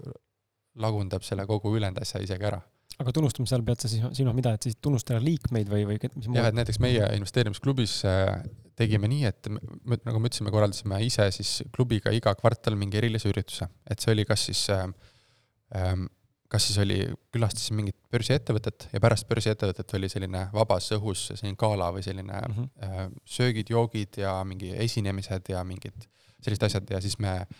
ähm, jälgisime kõigi klubi liikmete neid finantsilisi eesmärke, millest ma siin rääkisin, mida saab igaüks inimene, iga inimene kodus ka teha, et põhimõtteliselt kogu klubil oli siis ees, noh, iga inimene anonüümselt küll, aga nagu sa nägid seda kogu tabelit, kus keegi parasjagu on, mis nende eesmärgid on, kus nad liiguvad. inimesed panid kirja enda asju ja põhimõtteliselt selle järgi me saime inimestele siis äh, iga kvartal jagada auhindu, et kes on kõige paremad äh, tegutsejad, äh, need said mingeid auhindu. Ja, ja põhimõtteliselt me tunnustasime niimoodi iga kvartal ja iga aasta oli siis aasta investori valimine klubis ja aasta kasvutegija ja aasta uustulnuk ja igast sellised asjad ja inimeste noh, säästmine ja investeerimine on raske nagu, et sa ikkagi ju võtad mingis mõttes kokku, noh, hoiad kokku kuskilt ka ja see on äge, kui sul on inimesed, kes äh, tunnustavad sind. et äh, kui sa hästi palju kokku hoidsid, hästi, väga hästi portfelli ehitasid, said selle eest autasu. Ja meil oli inimesi, kes äh, lõpuks pani kaheksakümmend viis protsenti portfellist või sissetulekust kõrvale. et see oli nagu benchmark, selline kõige kõvemad vennad panid kaheksakümmend viis kuni üheksakümmend protsenti sissetulekust kõrvale. päris karm. ja nad alustasid kümne pealt. päris jõhker. jah, et siis see nagu noh, toetab sind, et see, see, see oli nagu äge, jah see, see tunnustamine on oluline. okei okay. ähm,. Küsiks siia vahepeal äh, lihtsalt podcast'i kohta, et mida on äh, podcast imine sulle õpetanud ja mida sa oled äh, õppinud kõikide nende külaliste või inimeste käest, kellega sa oled kokku puutunud tänu sellele ettevõtmisele? et ähm, meie podcast'i, investeerimisklubi podcast'i idee on see, et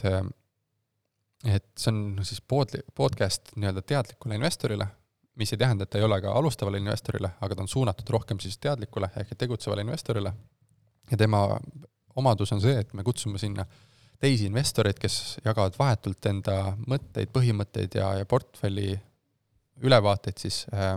jagavad meiega ja meie kuulajatega. Ja inimene, kes kuulab meie podcast'i, kui ta kuulab ära kakskümmend osa, siis ta saab äh, pildi ette kahekümne investori sellisest äh, tegutsemisest ja põhimõtetest. Ja see aitab tal kokku panna enda põhimõtteid ja teha ja enda arvamust kokku panna, et me ei arva, et üks inimene oskab anda nõu kunagi nagu ühele inimesele, vaid see, kui sa kuulad ära hästi paljude inimeste nagu noh, kogu arvamuse, siis saad panna enda arvamuse sellest kokku, et öeldakse ka, et kui sa loed ära ühe raamatu, on sul autori arvamus, kui sa loed ära kümme raamatut, on mingi arvamus, kui sa loed sada ära, siis on enda arvamus. et siis me loome ka seda nagu äh,, seda asja seal. ja, ja põhimõtteliselt äh, tänu sellele olen ka mina saanud nagu häid mõtteid, et enda strateegiaid lihvida, enda nagu mõt-, mind mõtlema, mõtlema panna mingite kindlate asjade üle, eriti oluline ja kasulik on mulle olnud perspektiivi muutus, et kui keegi räägib hoopis mingist ma ei tea, mingist mõttemaailma muutusest, millest ma ei ole veel aru saanud mm, nagu ütleme näiteks, ma ei tea, kui sa oled palgatööl, keegi tuleb sulle, räägib ettevõtlusest, siis on niimoodi vau wow,, et mingi asi, et siis noh, et sellist asju nagu juhtub äh, ka investeerimises, et keegi räägib nagu täiesti mingist muust mõtteviisist. et see on hästi oluline või noh, hästi palju saanud sellest. aga üldiselt äh, praktilise poole pealt äh, podcast'i tegemine mis oluline on äh,? oluline on äh, ägedad saatekülalised, head teemad, hea ettevalmistus kui me võtame hästi praktiliselt äh, ja, ja hea heli ja, ja jah, selline ähm, as-, selle podcast'i tegija soov äh, ise õppida. et see peegeldub hästi välja, et kui sa ise oled seal, küsid sellepärast, et sind huvitab. Siis see huvitab ilmselt ka teisi inimesi. kui sa küsid sellepärast ainult, et ära küsida, siis see, see ilmselt on, on.... ja, jah, see, see, see, see minu arust, kui see on hästi huvitav, ma olen tähele pannud seda mõned korrad enda puhul, mõne külalisega, mõne küsimuse puhul, ja mõne kaassaatejuhi siis äh, korral ka, et kui inimene küsib äh, lihtsalt küsimuse pärast, siis see on hästi robotlik ja sa tunned kohe ära, et see on nagu, no see ei ole üldse autentne küsimus, see on nagu lihtsalt, lihtsalt maha loetud, et äh, ta-ta-ta-ta-ta-ta-ta-ta. aga sellest saab aru siis, kui ta, sa küsid selle küsimuse ära ja see külaline vastab sulle ära ja sa pärast seda ütled jah, või siis, või ütle midagi, küsid järgmise küsimuse lihtsalt. teema, teema läheb edasi nagu. jah, ja teema läheb kinni, on ju, et see ei ole mingi arutelu koht ja, ja tavaliselt jah, see on selline kas kohustuslik küsimus või siis äh, jah, teed selle asja ära lihtsalt, on ju, et edasi liikuda. et see on jah, et sul peab endale meeldima, et podcast'i ei saa teha, kui järjepidevalt ei saa teha, kui sulle endale huvi ei paku, nii et ma arvan, et see, et sa jõuad siin kahesaja osani mm -hmm. varsti, see on suhteliselt märkimisväärne. sest et podcast'i ja väga pikalt ei ole võimalik teha, kui, kui sa ise nagu ei saa midagi sealt. ei, absoluutselt. noh, eks iga asjaga niimoodi, et kui sul endale huvi ei ole, siis noh, see lõpmatuseni ei kesta ja Eestis on vist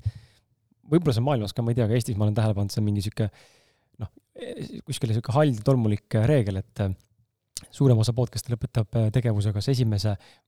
esimesest kuni kolmeteistkümnenda episoodi vältel. et kolmteist on olnud, kümme kuni kolmteist on sihuke hästi märkimisväärne numbrid, kus enam edasi ei tehta, siis nagu näed ära, et paar kuud teinud, vaatad, et kurat, ikka ei keri, vaata, ei ole mõtet, noh. ja, ja, ja siis ta ei keri sellepärast, et juba hakkab sul see vastupidine efekt tekkima, on ju, et sa juba näed, et ei keri ja siis sa ise ei keri enam ja tegelikult lihtsalt tuleb taguda rauda ja, ja kui kuulajaid on, siis ega need varem-hiljem kasvavad nagunii see arv. et äh, jaa, ei, see on äge ähm,. Saate alguses mainisime seda ka, et ähm, kui investeerimine on justkui tegelikult tundub olevat sinu tegevus, põhitegevusala ja sa oled selles üsnagi noh, tippsõna on mõistetav erinevalt, aga ma kasutan seda praegu tipus, ikkagi üsna kõrgel selles, sul on suured teadmised, sul on palju kogemust, sul on ka tulemused, siis äh, mis on need tegelikult need asjad, mis sind huvitavad? kui investeerimine tõesti on hobi, siis mis on see tegelikult see, mis paneb selle Marko südame äh, plahvatama ja liikuma? Ja, ja väga hea küsimus. see paneb kohe niimoodi korraks hetke võtma, hingama, mõtlema, et nii raske teema Need on need kõige ju, kõige raskemad teemad nii-öelda või kõige olulisemad teemad, mitte raskemad. et ähm,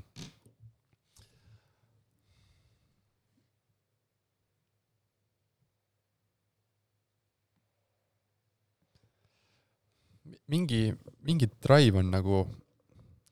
on sul sees nagu juba, kui sa sünnid, on ju, või, või kas on mingi drive on sees, kus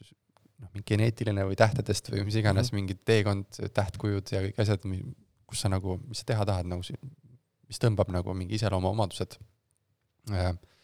ja, ja mingid asjad sul tulevad siis nagu lapsepõlvest kaasa, kas need on läbi nagu heade kogemuste, soovide või traumade, et siis paneb sind mingis suunas nagu liikuma et äh, minu, minu nagu selline, ma olen äh, siis Kalju Kitse tähtkujust, ma ei tea, kas see, ma ei ole nagu väga suur astroloog ega ma ei ole ka aga lihtsalt äh, natukene nagu on seal mingid seosed, et et Kalju Kitse tähtkujust ja hobuse aastal sündinud ja mhm. siis see kombinatsioon peaks midagi sellist olema, et, et sa oled hästi nagu eesmärkidele orienteeritud ja ja, ja ja, ja noh, piisavalt selline analüütiline ja lähed no matter what oma asjadest läbi. ambitsioonikas. jaa, ambitsioonikas, et siis see, on peegeldanud hästi, et ma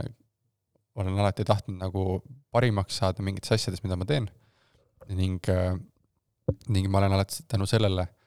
teinud ka, proovinud alati rohkem teha, sest ma näen, et kui ma annan, annan rohkem endast, siis ma saan, see suurendab minu võimalusi siis nagu nii-öelda alateaduslikult äh, neid asju teha, mis ma tahaks teha. et mul on tunne, et üks, üks osa sellest, mis ma teha tahan, oih vabandust Äh, mängisin siin mingi vidinaga, et mingi alateadvuslik äh, drive on selles, et ma tahan asjades lihtsalt areneda, õppida ja, ja paremaks saada. ja, ja, ja mingi väljund on sellest tulnud siis läbi investeerimise näiteks äh,, aga ka teisi väljundeid on ka nagu läbi spordi, et siis äh, olen äh, mänginud vist tänaseks võib-olla isegi kuusteist aastat või rohkem korvpalli. äh, ning äh, teinud igasugust muid aktiivseid spordialasid ka, enamus ekstreemsporti olen, olen proovinud äh, noorena rulluisku ja rula sõitnud siis lumelaudades kuni tänaseni ja, ja põhimõtteliselt kõike, mis lauaga seotud on, äh, surfanud ja nii edasi. et, et läbi spordi ka nagu alati pürgida nagu korvpallis ka selline suhteliselt ähm, competitive või ähm, äh, selline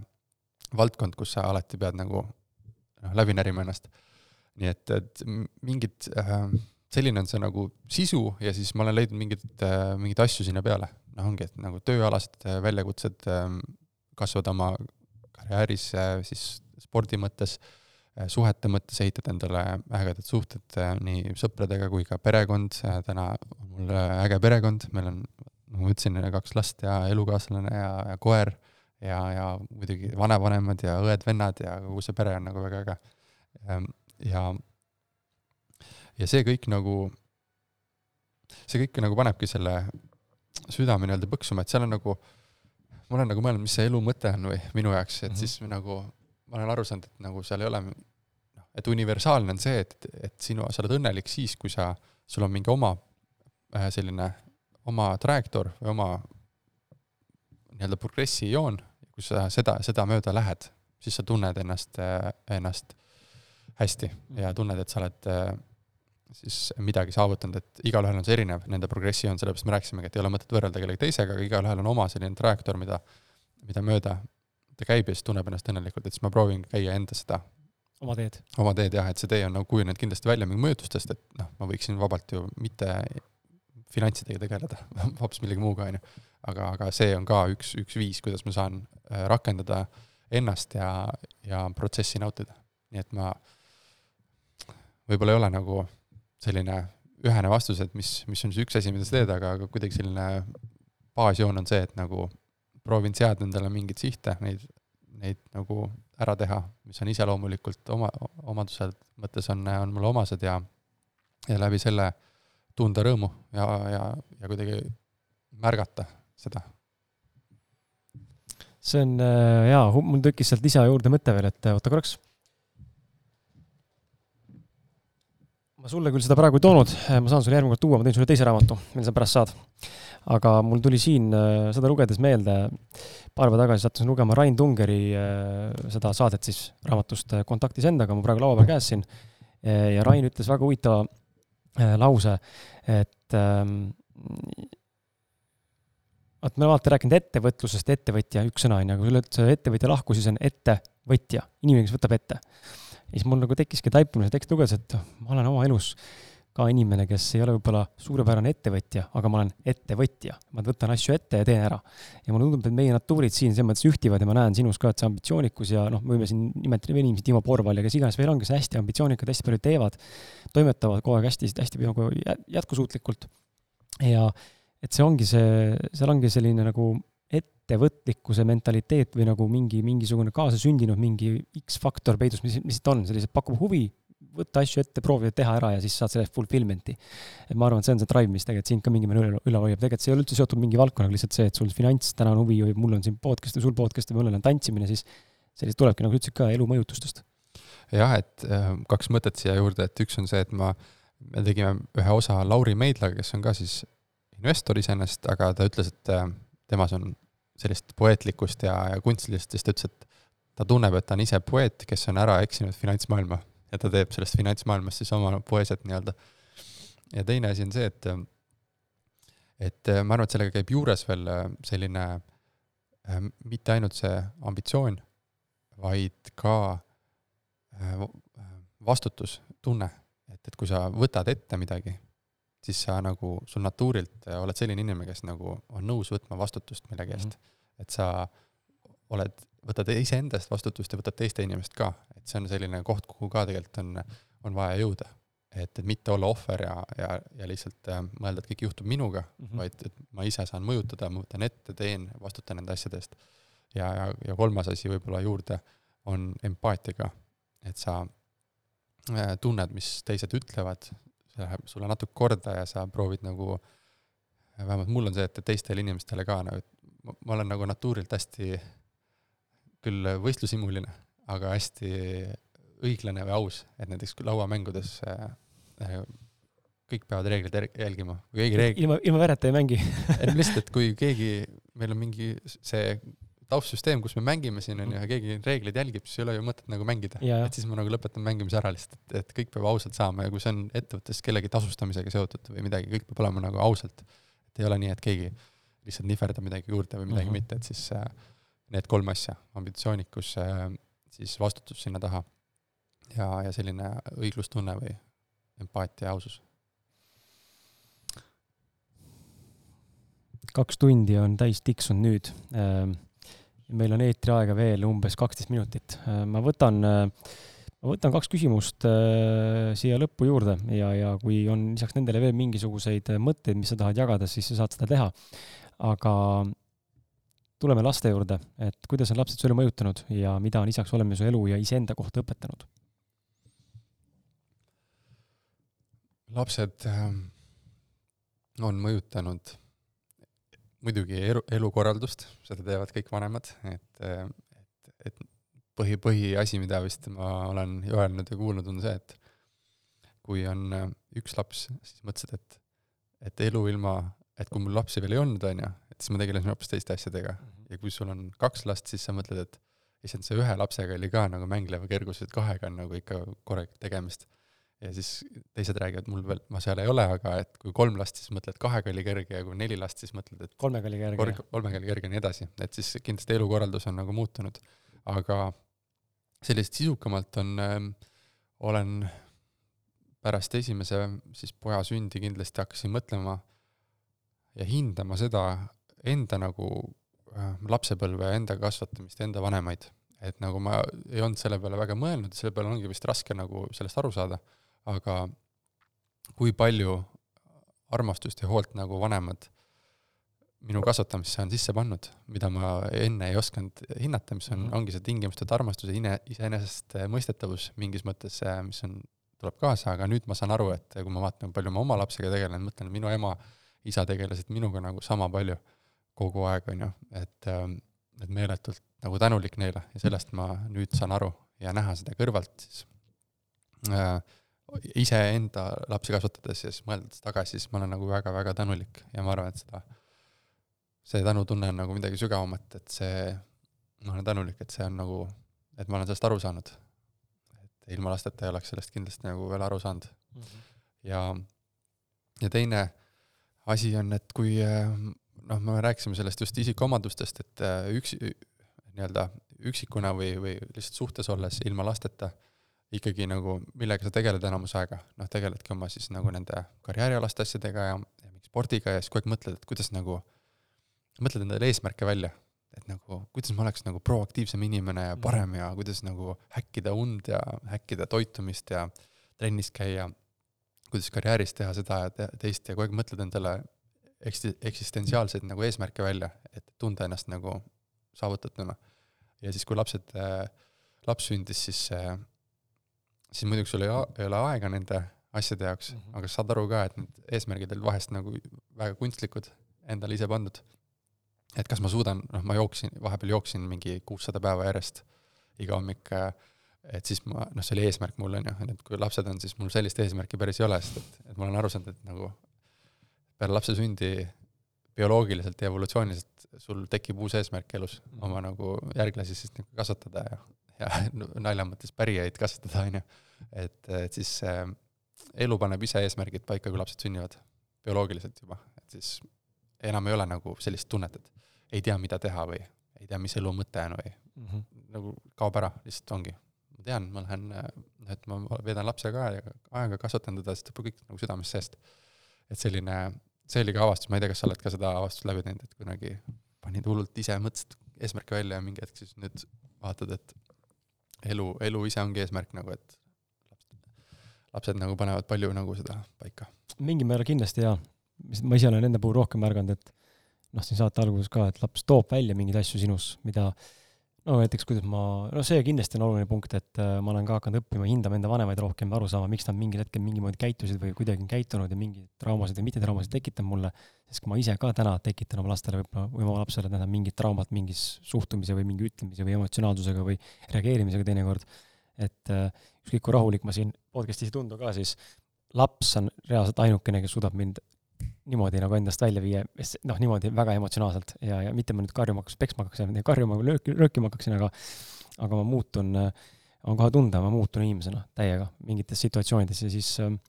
jälle saad nagu endasse vaadata ja mõelda, et okei okay,, aga mis ta nagu öelda tahab mulle sellega, et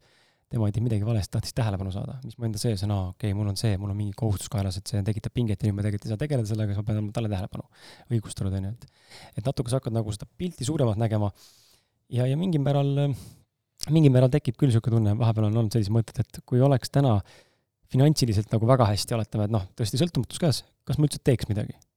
mul on tekkinud sellised mõtted vahepeal, sellised eksistentsiaalsed mõtted, et äkki läheks lihtsalt ära ja oleks lihtsalt, läheks metsa ära või nagu kuskile nagu eraldi või isoleeriks ennast ära, midagi ei teeks, et see ambitsioonikus on kõik niisugune peale surutud siin ühiskonnas ja ja kuigi see on minu nagu soov, aga samas, kas seda on vaja, nagu mille jaoks ma kõike nagu teen et, et panen siin välja saated ja käin, teen trenni ja too, tooda viienda postitan ja suhtlen ja nagu, aga milleks, mul tegelikult on ju lapsed ja naine, kellele vaja tähelepanu anda. aga kui kauaks just kui kauaks, et seda ma ei tea, pole kogenud, on ju, Mhm. et ilmselt see oleks samamoodi läinud nulliks, et ma ise näen Väätsajades ka, et nädal aega, kaks nädalat äh, mitte, mitte kordagi Tallinnasse tulles, siis mul hakkab katus sõitma lihtsalt, ma tahan teha midagi ma avastasin jooksmisega sellise nüansi näiteks, et äh, nagu sa ütlesid, vaata, et, et mingi hetk on lihtsam nagu mitte teha mm. -hmm. ja see tundub nagu, et, et siis on nagu, selle mõiste nimi on feel good right now. et, et vahest öeldakse, et see peaks eesmärk olema, et noh, et õnnelikkus on, et kogu aeg oleks hea olla.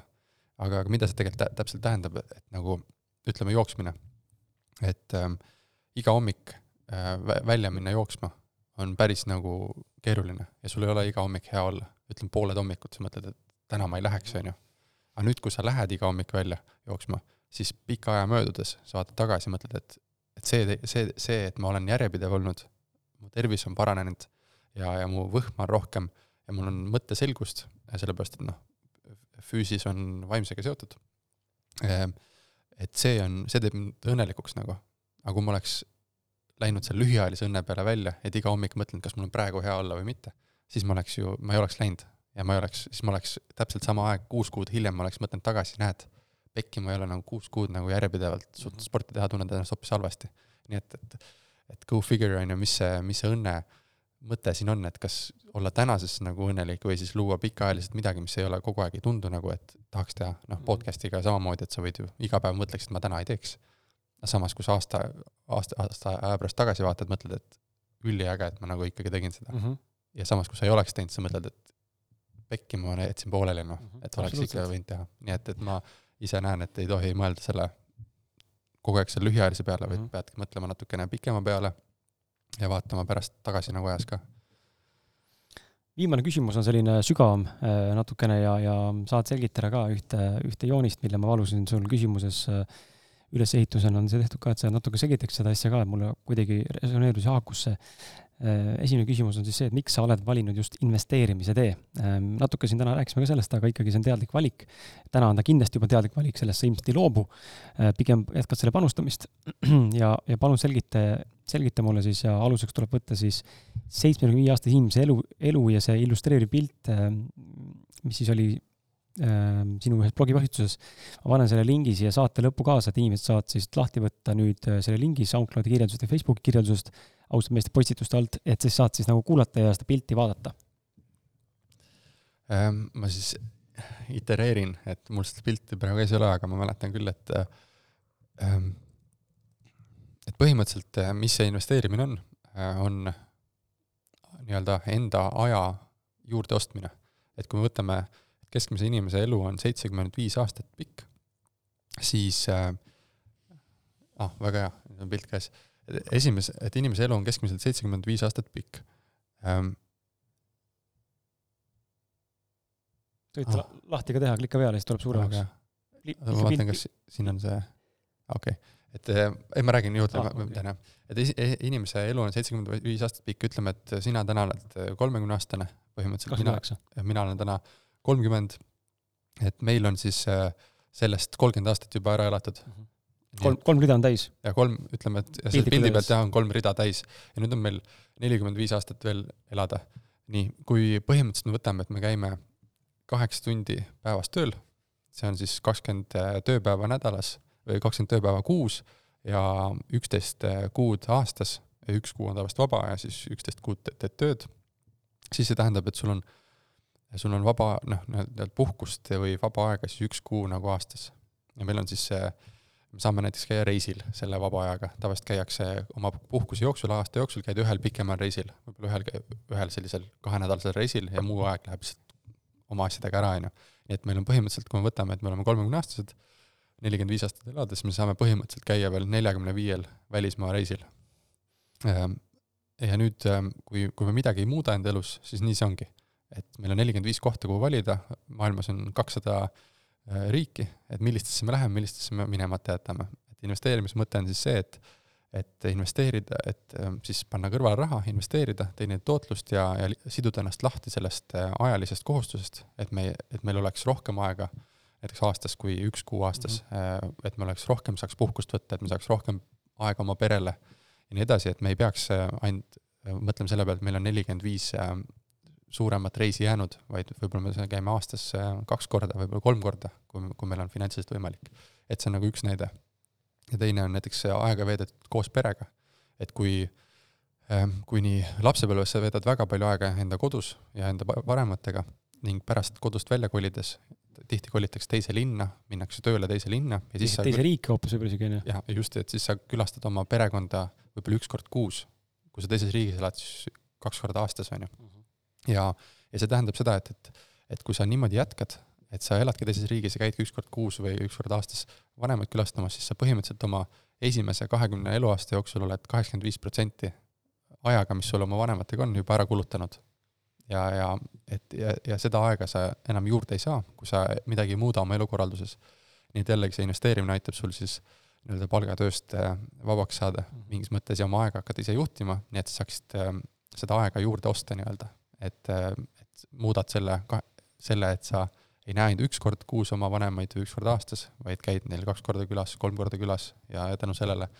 sa ei ole kahekümnendaks eluaastaks kaheksakümmend viis protsenti ära kulutanud, vaid sa oled hoopis ainult seitsekümmend viis ära kulutanud ja sul on kakskümmend viis protsenti alles. et põhimõtteliselt ähm,